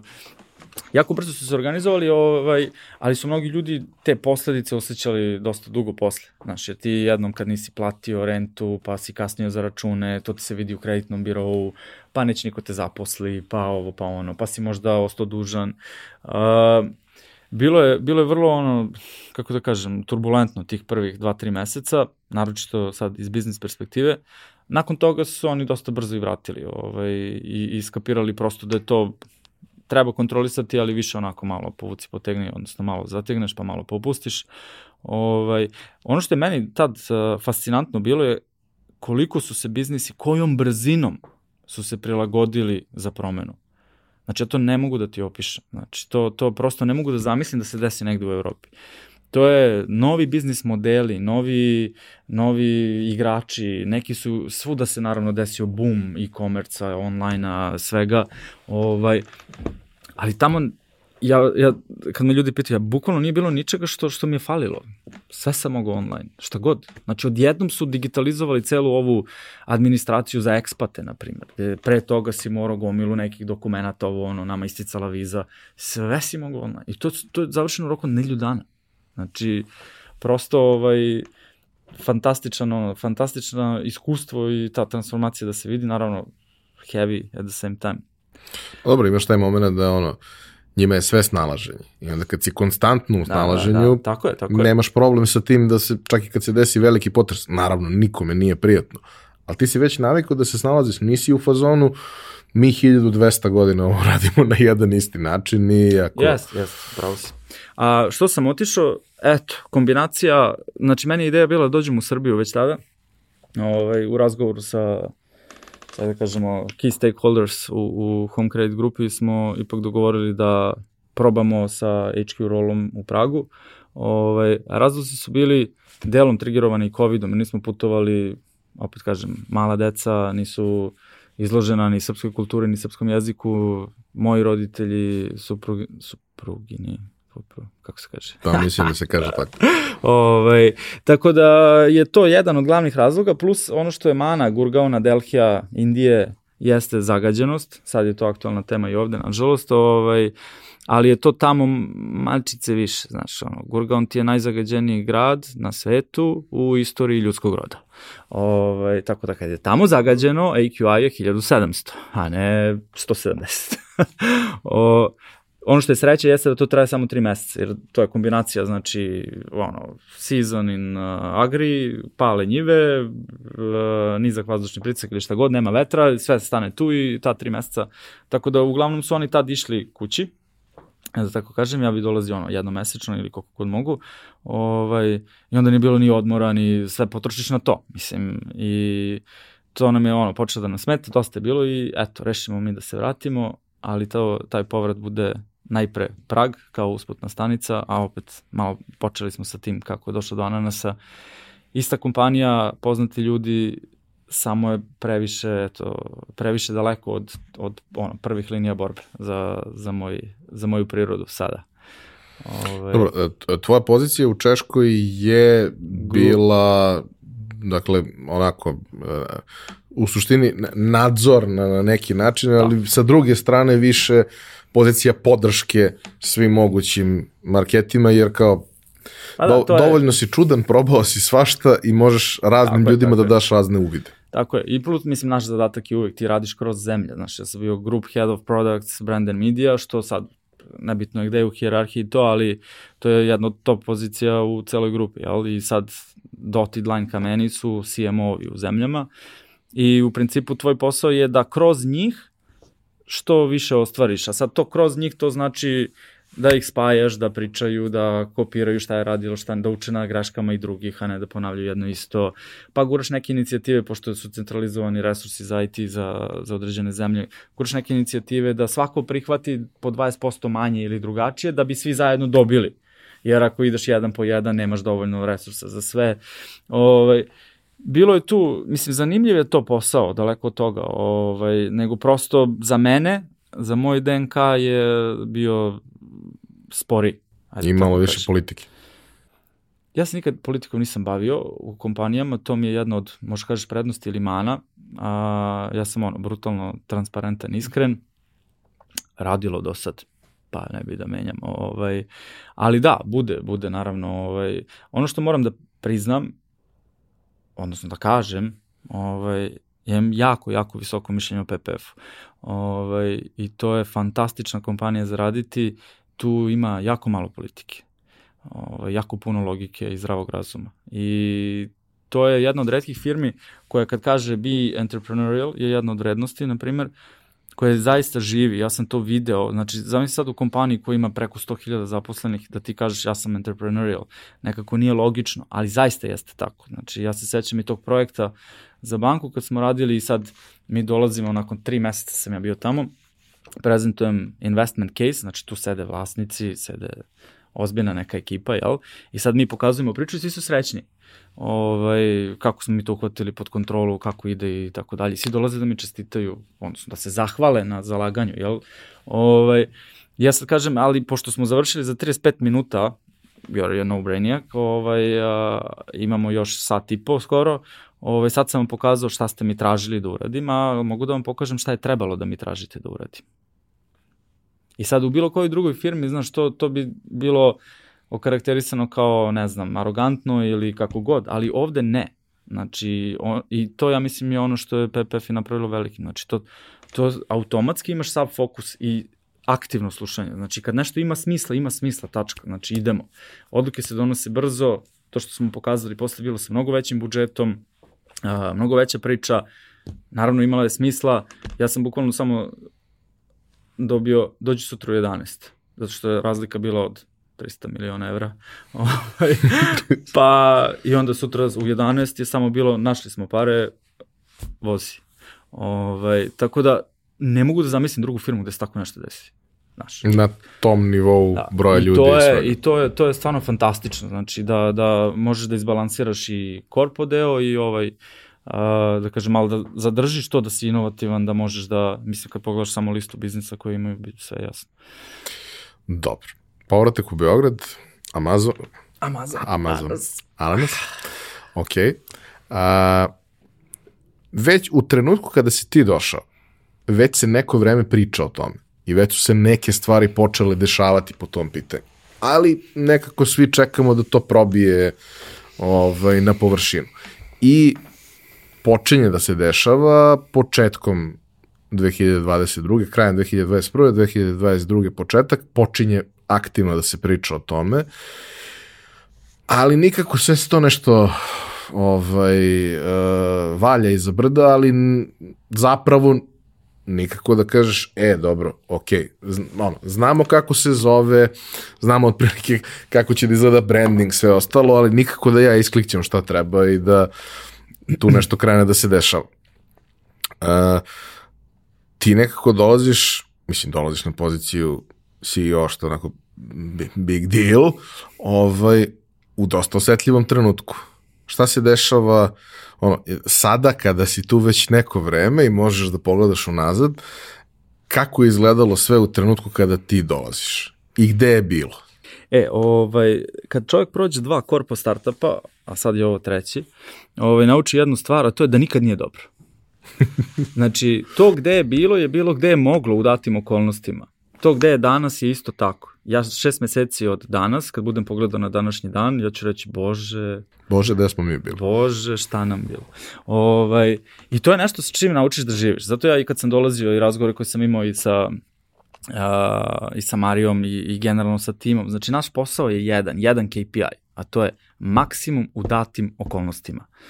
Proverč da li su okolnosti date, često ljudi to ono iz ajde da kažem, easier way, prihvate šta god je ispred njih, ne prihvatam ništa. Prvo proverim da li su zaista date te okolnosti i onda kad utvrdimo da su to zaista te okolnosti, onda ajmo da damo maksimum u tim okolnostima. Znači nema kukanja, nego daj maksimum. Da mora sutra nešto, može, ali znam da ako imam 10 dana bit će mnogo bolje, ali nema veze, ja sam okej okay s tim. Jer ja sebi postavim pitanje ne da li je moglo bolje, nego da li je moglo bolje u tim okolnostima. I ako je odgovor ne, ideš kući nasmejan, bez stresa. Ovaj, tako da definitivno Ananas tada i Ananas danas su dve potpuno različite firme, ali to ne znači da Ananas tada nije bio dovoljno dobar, bio je onoliko dobar koliko je moglo u tim okolnostima, gde je sve to urađeno jako brzo. Kako je meni izgledalo? Ovaj, uh, moram da priznam da, ja, ja sam znao naravno gde dolazim, kako će, kako će se izgledati. Mislim da su neke stvari uh, simplifikovane, odnosno da se nužno nije ušlo u dubinu, ojačali smo jako brzo product ownership, a, to je ključ naravno, jer a, nama je potpuno bio outsourcovan IT, sada već smo na pola-pola i da kažemo, ovaj, in-house i, i outsource. A, džaba ti veliki IT ako nema, nemaš dobrog biznis onera. Ne kažem da ih nije bilo dobrih, ali nije bilo dovoljno. Ovaj, jer ekosistem koji pravimo, mislim da se vremenom iskristalisalo koliko je to zaista kompleksno. I šta to zaista sve znači. Ovaj, jer znaš, ti kad kažeš fintech, fintech ti je veličine Telenor banke.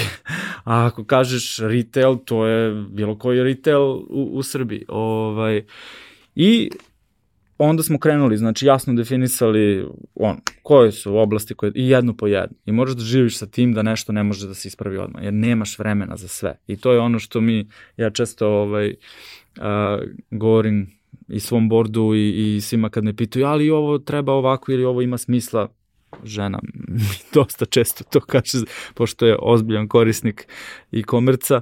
Ovaj, I onda ja kažem, slažem se, mnoge stvari imaju smisla ali ne mogu se stvari istovremeno da se reše. I onda prosto moraš da ideš tako korak po korak. Mislim da je sada situacija napravljena, baza je napravljena, sad je vreme za skaliranje. Znači... Da, upravo sam to negde hteo da, da, da te pitam, ne u smislu uh, bilo je loše, onda sam ja došao i postalo sjajno, nego prosto uh, razvojni put, životni ciklus proizvoda, životni ciklus servisa, znaš, ono, ne počinje tako što digneš sajt i onda da vidimo šta će.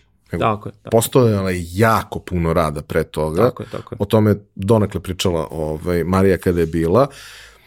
I sad, ti si u prilike došao u trenutku kada deo toga je već materializovan, ali je u periodu kada najviše toga zapravo treba da se desi.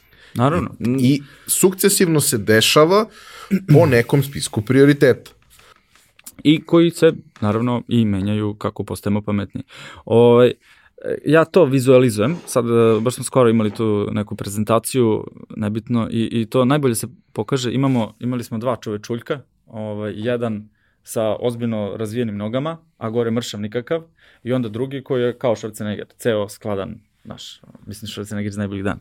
Ovaj, šta to, šta to poka... i onda smo objasnili, treba odavde da dođemo ovde. Znači, noge što u našem biznisu je logistika, su odrađene fantastično. Mogu da nose. Da. Znači, to je, to je odrađeno sjajno, možda čak i više nego što je trebalo. Zašto kažem više nego što je trebalo? Zato što je moglo nešto drugo umesto toga, pa da budeš skladniji. Znaš, nisi možda 100% na nogama, ali si možda 90% na nogama i na rukama. A ovako si ostao 50 na rukama, a 100%... Ali znaš šta, ja stvarno mislim, najiskrenije, da je najvažnija stvar koju je Ananas uradio to što je rešio najveći problem koji svi e, imaju. To je, evo malo če sam pričao o tome, ovaj, ako ćemo da budemo iskreni, Ananas je prvi koji je preuzeo odgovornost za celokupno korisničko iskustvo. Znači ti nećeš od Ananasa čuti, a ma to su kuriri zeznuli, nećeš od Ananasa čuti, a pa to ovaj trgovac nije dobar, nećeš. Znači, ja ti nudim end-to-end experience. Znači, Ananas je prvi koji je to preuzeo. Znači, to A iskustvo... ako neko od njih nije kako treba, to ćemo mi da peglamo internet. Tako je, tako je. Ali ja sam kriv. Uvek.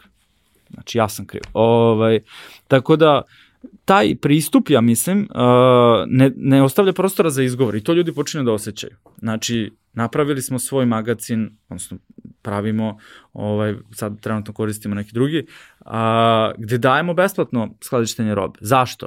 Ne zato što je to profitabilno, jer je besplatno, nego zato što znamo da onda u 97% slučajeva za celu Srbiju, ako naručiš do ponoći, stiže sutra.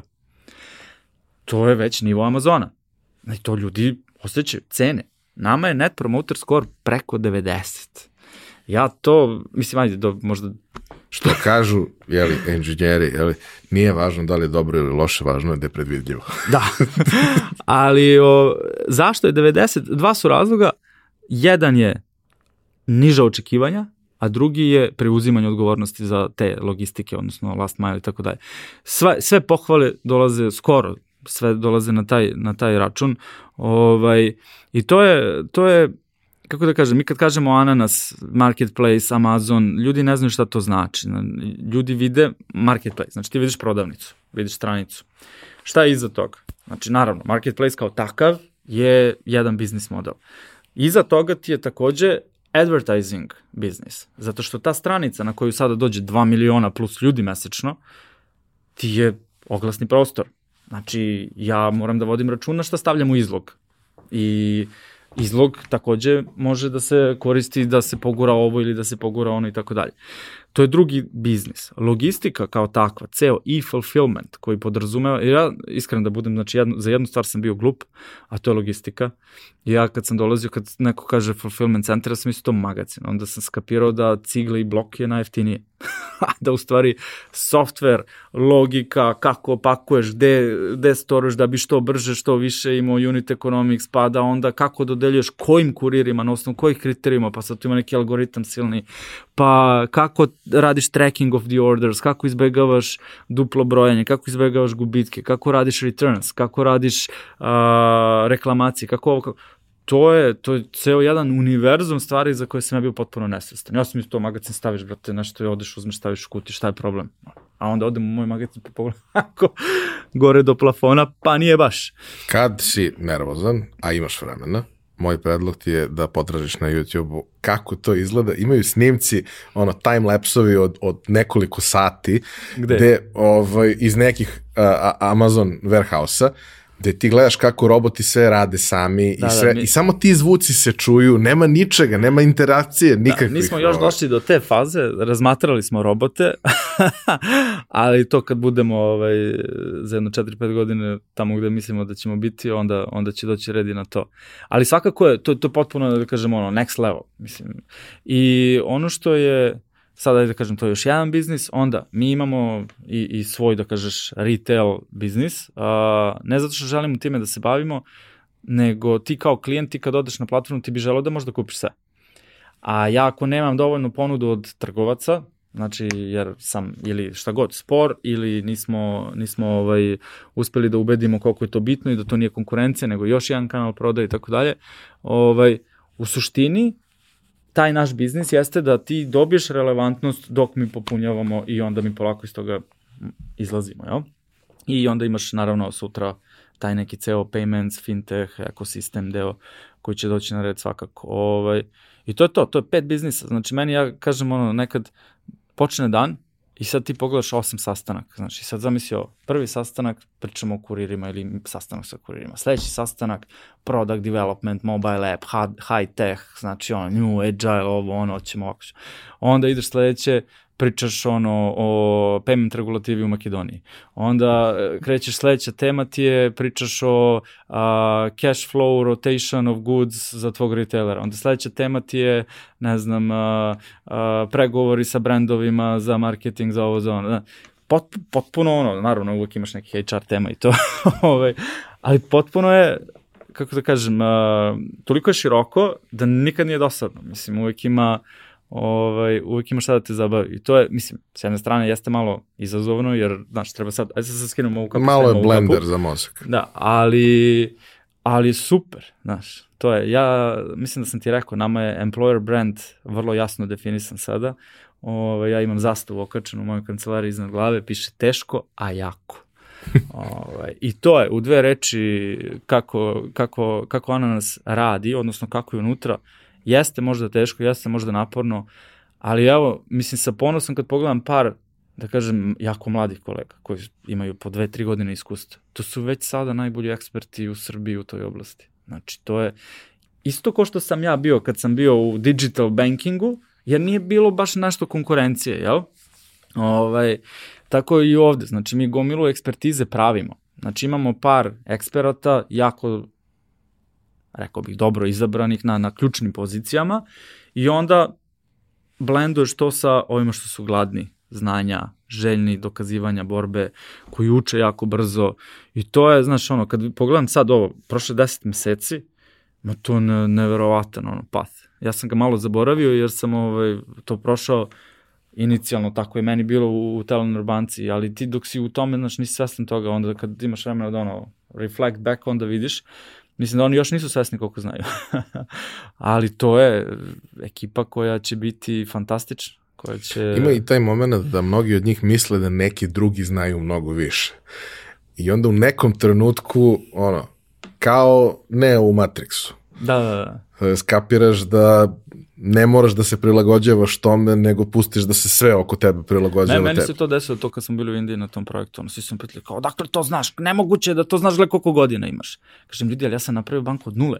Znači ja sam morao da, ja mogu sad da budem CFO Morao sam da znam, brate, cash flow, morao sam da budem risk officer, pravim sisteme za njega. Znači, prosto si bio prinuđen da sve to nauči, a nisi ni bio svestan. I onda kao odeš i ti kao šta, šta, to pitate, aha, to, ček povučem tri ono, strune u glavi, spojim u jednu priču i, i to je to. Tako da, Ananas je ogroman projekat, jako zahtevan, jako interesantan, super ekipa, super energija, sve više rastemo, sve više učimo i to je ključna reč, učimo, ovaj, i mi to stvarno podržavamo, nije ono pro forme, uh, jer nemoguće, ne, znaš, ako ne grešiš ili nisi hrabar, ili, ili ne znam, ono, radiš nešto mnogo prosto. E, ovo nije prosto, definitivno, znači ako ne grešiš nisi hrabar. Znači ako, kako beš ide ono, ako if you feel you have a control, it means you don't go too fast enough. Znači to je to. E, to je, znači maksimum u datim okolnosti, ajmo, pa se zeznemo, pogrešimo, samo treba da naučimo. Znači, kad se radi refleksija, uradi se root cause analysis i onda kažemo kako sledeći put da se to opet ne desi. Tako da kad uporedim, na primjer, našu nabavku pre šest meseci i danas, to je nebo i zemlja. Kad uporedim naš uh, development, capacity, efficiency, pre šest meseci pričamo internom, to je isto nebo i zemlja. Mislim, toliko smo napredovali, to je... Ali nema stajanja. Nema stajanja. Ima jedno, ovaj, uh, jedan od uh, biznismena iz ovog regiona izreka koju ja citiram ponekad. Uh, mislim, malo je ružna možda, ali i polu šaljeva. To ti ko da voziš bicikl bez sedišta nema opuštanja. Ovaj, I to je, ali kažem opet, znači prostor gde, gde ja mislim da već sada je prepoznato na celom tržištu Srbije, evo danas i kad pričamo sa, sa kolegama iz drugih firmi, drugih industrija, svi već znaju kako je tamo, čuje se, zna se da je to je top, to je priča koja pravimo, ja uvek kažem, znači kad pričam sa, sa klincima ili sa klincima, bože, kad pričam sa mlađim kolegama, do, doživio sam da sam stariji čovječ od, od ljudi, zamisli. Zna. Ovaj, I ja kažem, kak, kakav bi deda voleo da budeš ili baba? Jer to je, ja mislim, ono, kad hoćeš nekom da objasniš, mi pravimo legacy. Znaš, uh, i sam si rekao malo pre, pričamo o nekim projektima, nisu svi projekti isti, jel? I ti praviš legacy, znači ako, ako jednog dana dođeš u situaciju da kažeš šta si radio, pa nije isto ako kažeš, je, znaš, programirao sam kao outsource body shop programer za nekog tamo Amera koji je napravio nešto i to, a šta je, ne, ne, ne sjećam se. Ne znam, ali tata kupio Porsche. E, šta si radio? Pravio sam ananas, brate. Napravio sam Telenor banku, prvu digitalnu banku. Ovdje, ajmo, ajmo, pravimo, ovaj, znaš, u tome sam učestvovao, bio sam deo ekipe na početku, zajedno smo to uradili. Nismo imali blueprint, nismo znali tačno gde je ono, kako koraci, ali smo figure it out. I to je, ovaj, to je, ja mislim, uh, jedan od motivacija i meni da se vratim, jer uh, definitivno ovo nije just another project. Uh, ovo je ozbiljan legacy koji će ostati, siguran sam. Ovaj. I kao što rekoh, kad su me pitali, hipotetički kad bi investitor investirali to sad je sentiment loš ovo ono.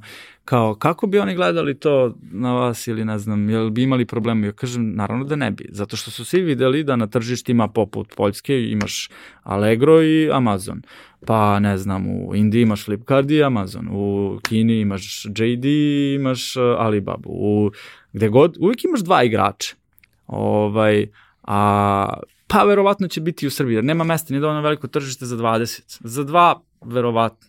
A ja da sam na njihovom mestu, ja bi se kladio na nas. da ćemo da budemo jedno, uh, jedna stolica zauzeta i to ona prva. I ja bi se kladio na vas. E, hvala, hvala. Upravo zato što ste od starta krenuli tako što ste se uhvatili u koštac sa najkompleksnijim problemom koji pre toga niko nije uspeo da reši na zadovoljavajući način. Došli smo mi do toga da uh, ok, imaš mnogo opcija za dostavu kod svih, ali i dalje postoji onaj realan problem kod velike da, da, nisam većine. Ja. Kao, Znaš, to nije moje.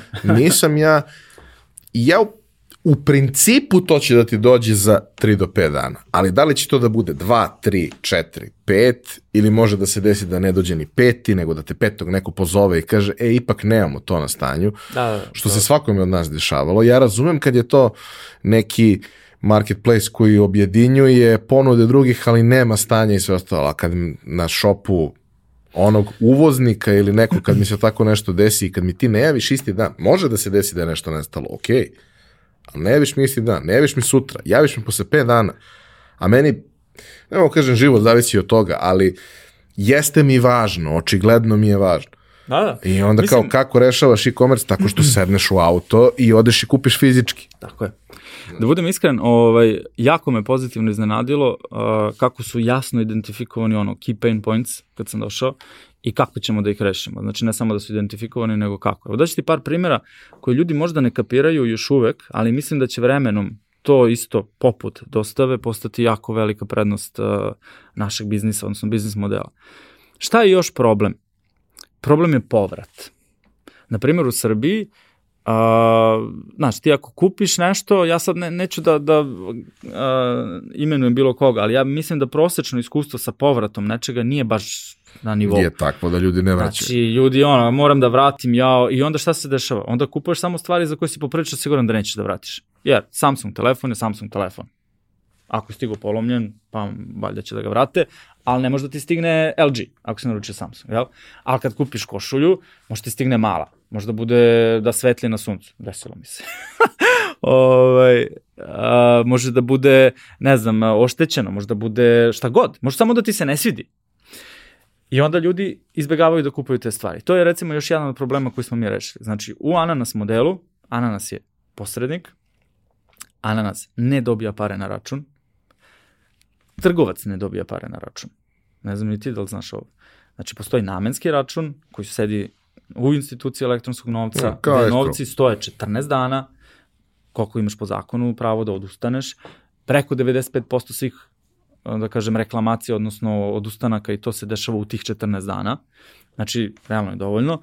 I tek posle 14 dana se novac splituje, deli i ide deo kod trgovca, deo uh, kod nas. To rešava, znaš koliki problem? Znači, nema ono, jao, pa sam uvažio, nisam uvažio.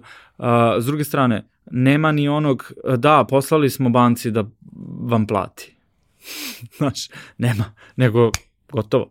Ovaj, tako da će to vremenom promeniti ponašanje, vidjet ćeš. I počet će da se otvaraju nove kategorije, koje inače ne bi možda a, ljudi toliko koristili i kupovali zato što se plaše šta će da se desi ako mi se ne svidi ili nije ono što sam mislio. Još jedan problem koji je rešen jeste kod isporuke. A, ne samo što stiže brzo, nego može i da ti stigne u kraju. Znači, ananas jedan i nudi sad ti stigne u kafiću ili ovaj, i ti odeš i pokupiš kad god. Kad budu krenuli ovi po, povrati da se, da kažem, primećuju, tek tad će ti to biti bitno. Zamisli sad ti kad hoćeš nešto da vratiš, pa moraš da se juriš sa kurirom, pa pakao. Ovaj, a ovako, o, baciš u restoran koji ti tu na 100 metara od kuće i završio si kad god tebi odgovara. A, to je isto jedna od stvari koje, koje je rešena. A, rešen je takođe i taj marketplace model, mislim da nije dovoljno vidljiv sada, a, svi mi koji smo koristili Amazon i ostali mi znamo, jasno ti je šta to znači. Hoću kupim ovu čašu, e, imaš pet ponuđača. Pa sad je na tebi kao klijentu da odabereš, hoću najjeftiniju opciju, ili hoću trgovca koji ima najbolju ocenu, Ili najbržu dosta. ili hoću trgovca koji će da mi isporuči danas, a ne sutra, ili hoću recommended by ananas jer dobiješ uz to još čokoladu, lupam sad. Ovaj, tako da to kad gledaš uh, iz perspektive krajnjeg klijenta nije toliko očigledno, uh, naročito nekad nemaš dovoljno duboku ponudu, jel? Pa, pa a, odnosno dovoljan broj trgovaca koji mogu da se takmiče u istim kategorijama. Vremenom, naravno, to, to će biti vidljivo. Evo već sada, ako kucaš, naročito ako pričamo o elektronici, telefone neke popularne i to vidjet ćeš ponudu od više od jednog trgovca. I ti osjećaš se dobro, imaš izbor. Znači nisam, i šta još neće da se desi, ono što je na ananasu vrlo bitno, nema fejkovanja diskaunta. Znači ti si trgovac, ja sam trgovac, ti nudiš ovu čašu, ja nudim ovu čašu. Ma mogu ja da napišem da je 65% na popustu, a tvoja nije, a moja i dalje skuplja. Koliko hoćeš. Gledam jedno pored drugog i vidim Kao ovo je agregator. 100 dinara, ovo je 120 dinara. Znači, ne, šta me briga što je 65%, ista čaša, brate. Ovaj, I to je nešto što, opet kažem, vremenom će doći i postaće takođe jedan vrlo bitan faktor. Ja nema ono kao što svi misle, znači, ono, digneš cene pa onda spustiš diskont i to. To ananas ne drži cene, drže trgovci. I za njih je to jedan playground gde, uh, gde mogu da se takmiče, da dobiju klijente ili da izgube klijente ako, ako ne igraju fair. Naravno, vremenom će doći tu još, uh, još detalje i to, ali eto.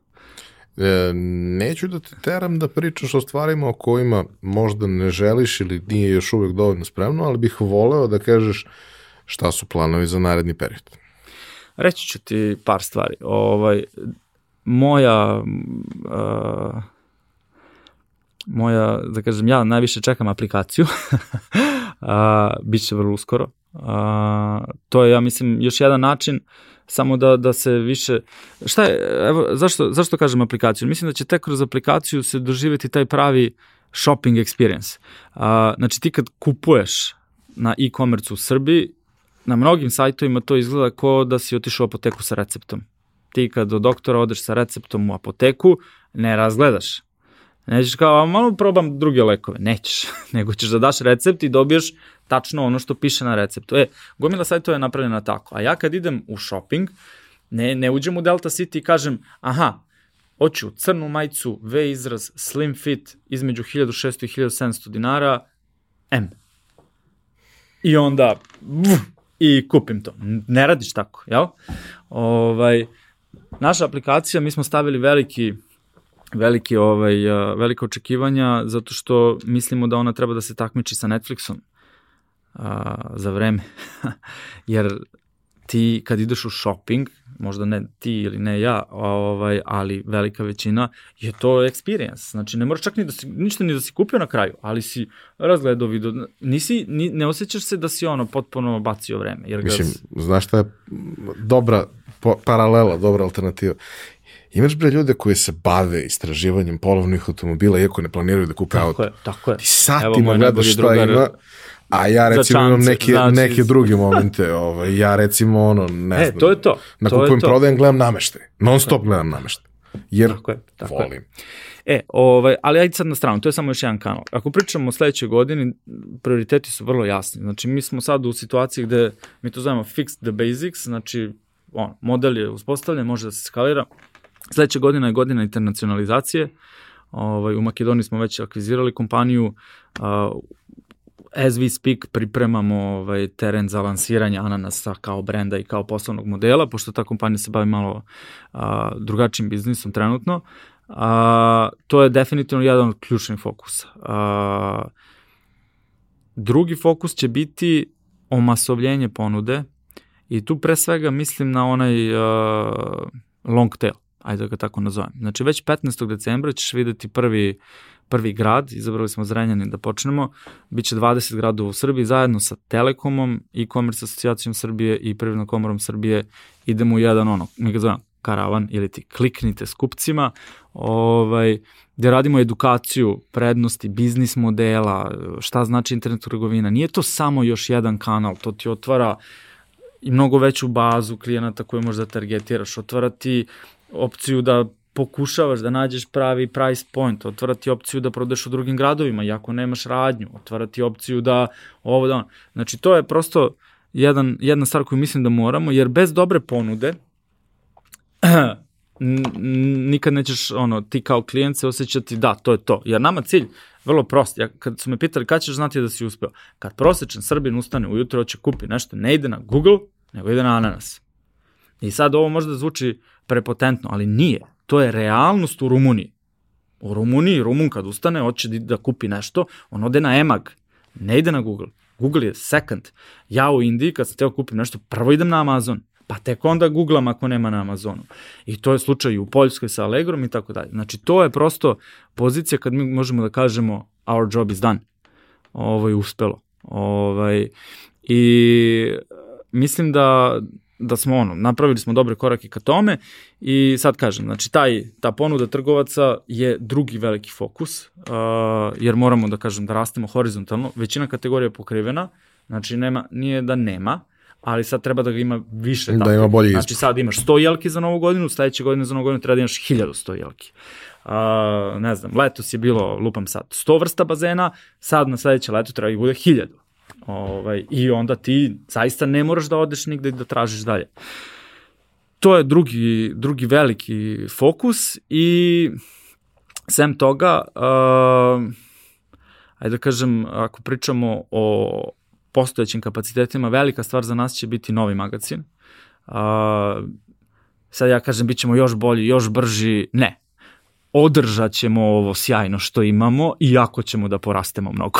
da, uz prosto eskaliranje. ovaj, tako da, to su neke, da kažem, tri, tri ključne fokus serije i naravno, znači, kako vreme odmiče, imaš istoriju, jasno ti je da dolaze sve data related topics on the table, tako da definitivno veliki fokus za sledeću godinu je uspostavljanje pravog data warehouse-a, reportinga, predictability-a, visibility i svega ostalog što trenutno možda nije na dovoljno dobrom nivou. Ovaj, ali prosto kad nemaš istoriju ne možeš ni da radiš neki predictive modeling, jel? Ovaj, I to je, to je, ajde da kažem, kao infra, kao nešto što niko neće videti, ali nama kao biznisu ovaj, uh, definitivno znači puno.